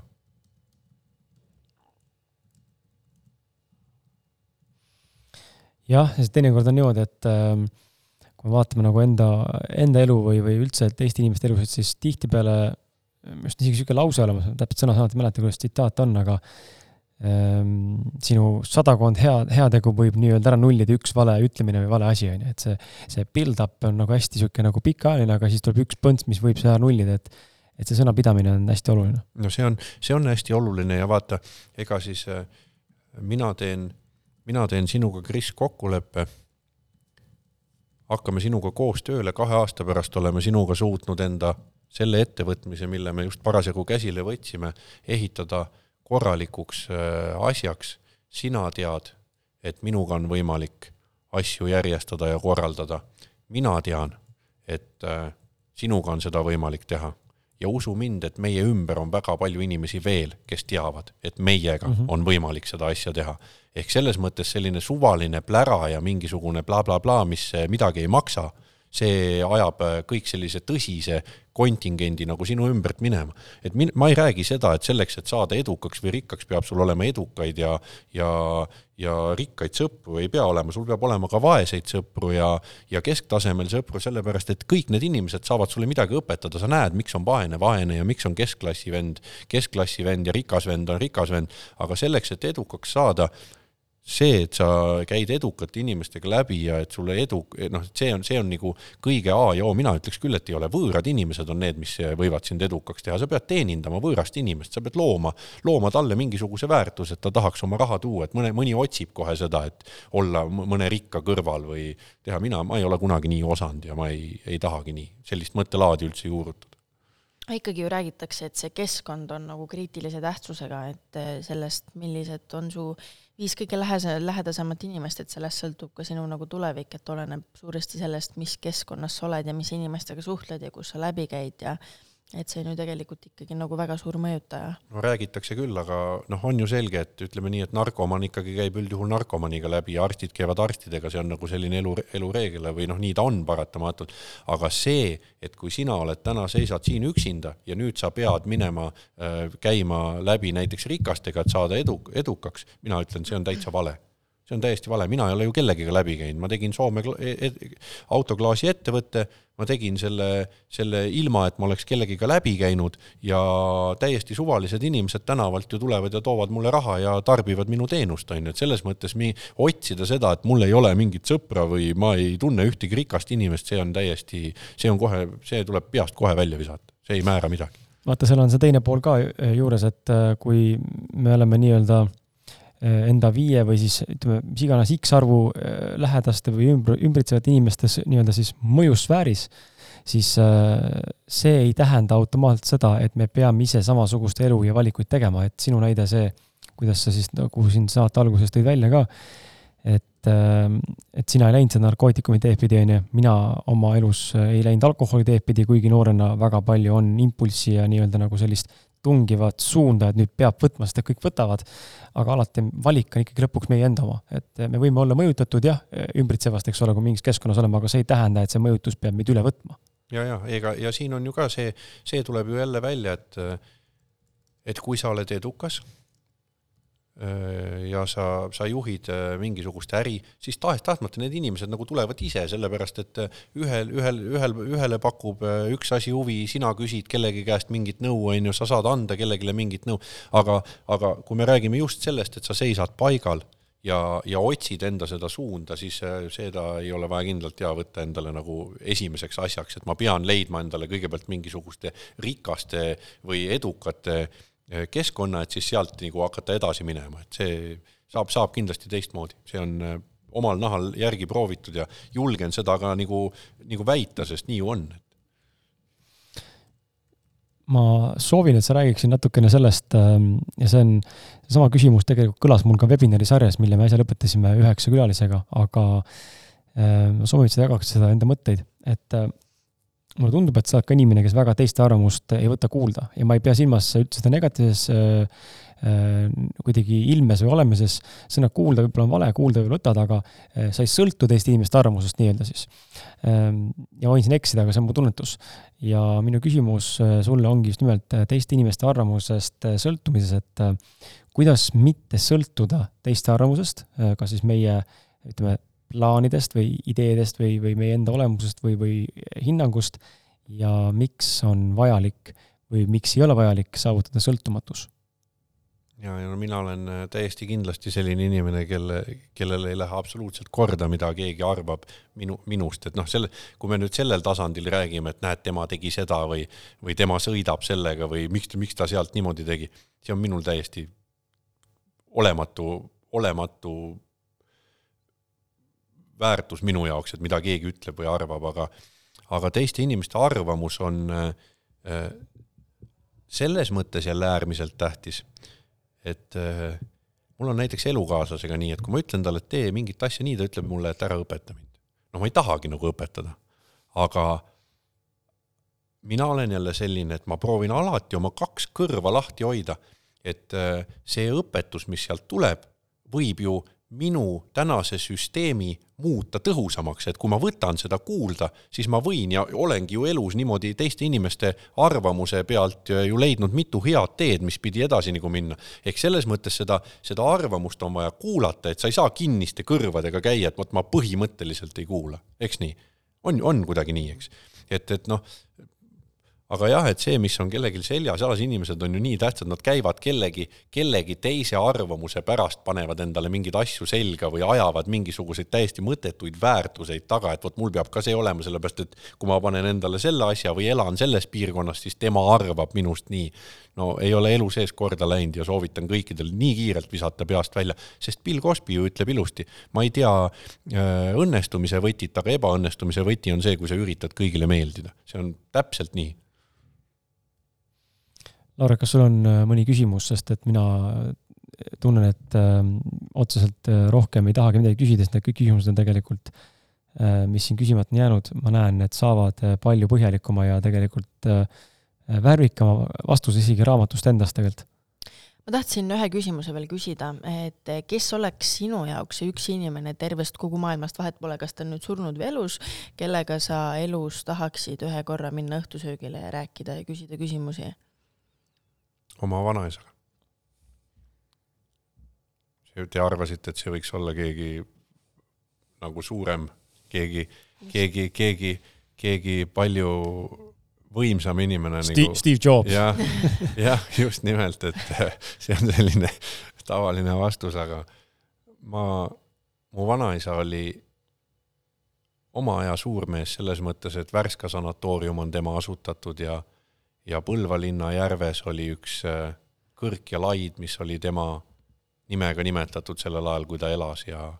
ja ma olin päris väike poiss, kui vanaisa ära suri ja ja kuidagi nagu hinge jäi selline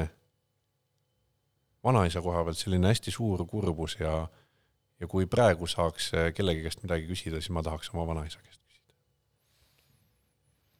Pean äh, tunnistama, mul on, mul on nagu sama tunne enda vanaisaga. ma ei, ta ei tea, ei mäleta, aga ma viimasest hüpnoteraapias ja teraapia kogemuses mäletan, äh, hakkasin nutma, sellepärast et mul tekkis see samasugune tunne, et vot seda inimest ma igatsen. miks, ei tea, lihtsalt kuskilt on mingi nagu tunnetus jäänud õhku. nii et äh, aga teate, miks ma nii vastasin? nii? sellepärast, et kõik need inimesed, kes on elus, nendega ma saan õhtusöögile minna, kui ma tahan. väga õige. Räägi äh, lõppu siia, mis on sinu viimased äh, mõtted, on sul midagi, soovid sa midagi inimestele öelda, meie kuulajatele midagi öelda sellist, mis, mis jäid praegu mainimata, ütlemata ja mis võib-olla ka raamatus ei ole või vastupidi suunad lihtsalt raamat lugema, mis su, mis su viimased mõtted on? no, no kindla-, kindlasti ma ütleks, kindlasti ma ütleks seda, et see on selline laialdane ja see läheb, läheb ilmselt nagu kõikidele kohale, et ärge otsige seda kedagi, kes võiks teid aidata, vaid äh, saage aru, et see, kes teid aidata võib, on teil olemas ja see olete te ise. ja kui te seisate sellises olukorras, et te ütlete, et aga mina ei tea, kuidas teha seda või kuidas ma saaksin seda, siis see on ju konkreetne märk sellest, et te peate tegema iseendaga midagi veel, et, et kuhugi jõuda, et selles mõttes see on see on see ainukene point, et me stopime ju ikkagi ainult sellepärast, et meil on endal mingi tükk kuskilt puudu, et mida me ei ole täiustanud, et et, et jah, pange pall mängu ja, ja ärge üritage nagu vastuseid välja mõelda, mina ei tea ühtegi vastust, mis mul ülehomme saama hakkab, selles mõttes ma nagu aiman, mis võib saada, aga tihti need asjad keeravad ikkagi ennem, kui nad kohale jõuavad jälle kuhugi suunda ära ja lähevad liikuma, nii et et kui sa täna istud ja, ja mõtled, et peaks midagi tegema, aga sa ei suuda välja mõelda, et kuidas see asi nagu rullib, siis ära üldse mõtlegi, pane lihtsalt pall mängu ja tulista ja küll asjad lähevad sinna, sinna, kuhu nad peavad minema, et kõige hullem on ju seismine, aeg kaob, aeg kaob alt ja, ja seisad ja ootad ja kuhugi ei liigu, siis see on, see ei ole kindlasti, kindlasti see, mida tegema peaks ma tänan sind, Kaarel, et sa olid nõus saatesse tulema, jagama meile enda kogemust, enda mõtteid. väga tungivalt, äh, väga tungivalt hea, armas kuulaja, soovitan, mitte isegi soovita, vaid käsin. Äh, lisaks ausalt meeste raamatule endale soetada ka Kaarli raamat siis Tänavalt troonile. et saada aimu tegelikult nagu noh, ütleme süvatasandil, et siin saates ei olegi võimalik kõike edasi anda. et see ridade vahelt Kaarel on suurepäraselt suutnud kirjeldada ja väga lihtsasti loetav tekst Äh, ja, ja kindlasti paneb mõtlema erinevate peatükkides, erinevate eluetappides ja erinevates valdkondades olevaid elavaid inimesi. Äh, mul on sulle paar kingitust ka kaasa, kaasa anda. Äh, esimene neist on siinsamas, meil on ausad meeste riidest ostukott, sihuke, saad selle endale kuskil riputada või kuskile peitu panna või shoppama minna, et see on riidestkotid.ee, üks härra siis meil on neid trükkinud ja teinud, et see on siis sulle ja teine kingitus on mul sulle äh, minu enda raamat Mõistmas, kes ma olen, mis on küll neli aastat vana tänaseks, aga noh, pigem ütleks, et see on nagu ka sinu raamat äh, ajatuse mõttes, et siin on minu vaimne teekond põimitud siis Austraalia elu ja nende raskuste ja sealt välja tulemisena edukalt ja, ja õnnelikumalt. et see su lugemiseks. Ähm, ja ühtlasi siis loomulikult ka meie viimane nüüd, äh, paar päeva tagasi ilmunud Ehm, ausad meeste podcast'i raamat Kontaktis endaga, nelikümmend kuus lugu, mis aitavad sul saavutada. ja, ja see on siis selline mõnus kokkuvõte esimesest äh, sajast külalisest, kes meie podcast'is on üles astunud, nii et äh, saad siis tunnetada, milline kõikide eelduste kohaselt, milline saab olema sinu panus järgmisesse raamatusse. super, suured aitäh ja, ja aitäh, et kutsusite, aitäh kingituste eest ja mis seal ikka, lähme siis edasi ja head vana aasta lõppu veel kord kõigile ja loodame, et uus tuleb parem ja stabiilsem, aga ma ütleks kõikidele veel, et täna äh, lõpetuseks, et täna on maailmakord natukene paigast ära. et äh, me ju teame, et meil on siin mingi tervishoiukriis ja mingid asjad ja see võib, äh, see võib paljusid asju kõigutada, aga ma, ma, ma jällegi soovitan hästi kiiresti kohaneda nende olukordadega, sest see on ka võimaluste aeg see on võimaluste aeg, sellepärast et kõik üüratud hinnad, mis on turu buumi ajal kõrgel, need tulevad alla. ostmisteks ja soetamisteks on see täiesti ideaalne aeg, et käige silmad lahti, proovige leida häid investeeringuid, mis tulevikus ära kasu, tasuvad, nii et ükski aeg ei ole paha, aga proovige lihtsalt ajast leida see õige üles mm. -hmm. aitäh ja aitäh sulle! head aega! ja meie sinuga kohtume juba järgmises äh, episoodis, mis on meil uuel aastal jaanuaril. Äh, aitäh sulle, Lauret ja, ja aitäh, et sa kuulasid ja egas midagi, tšau. tšau. head aega.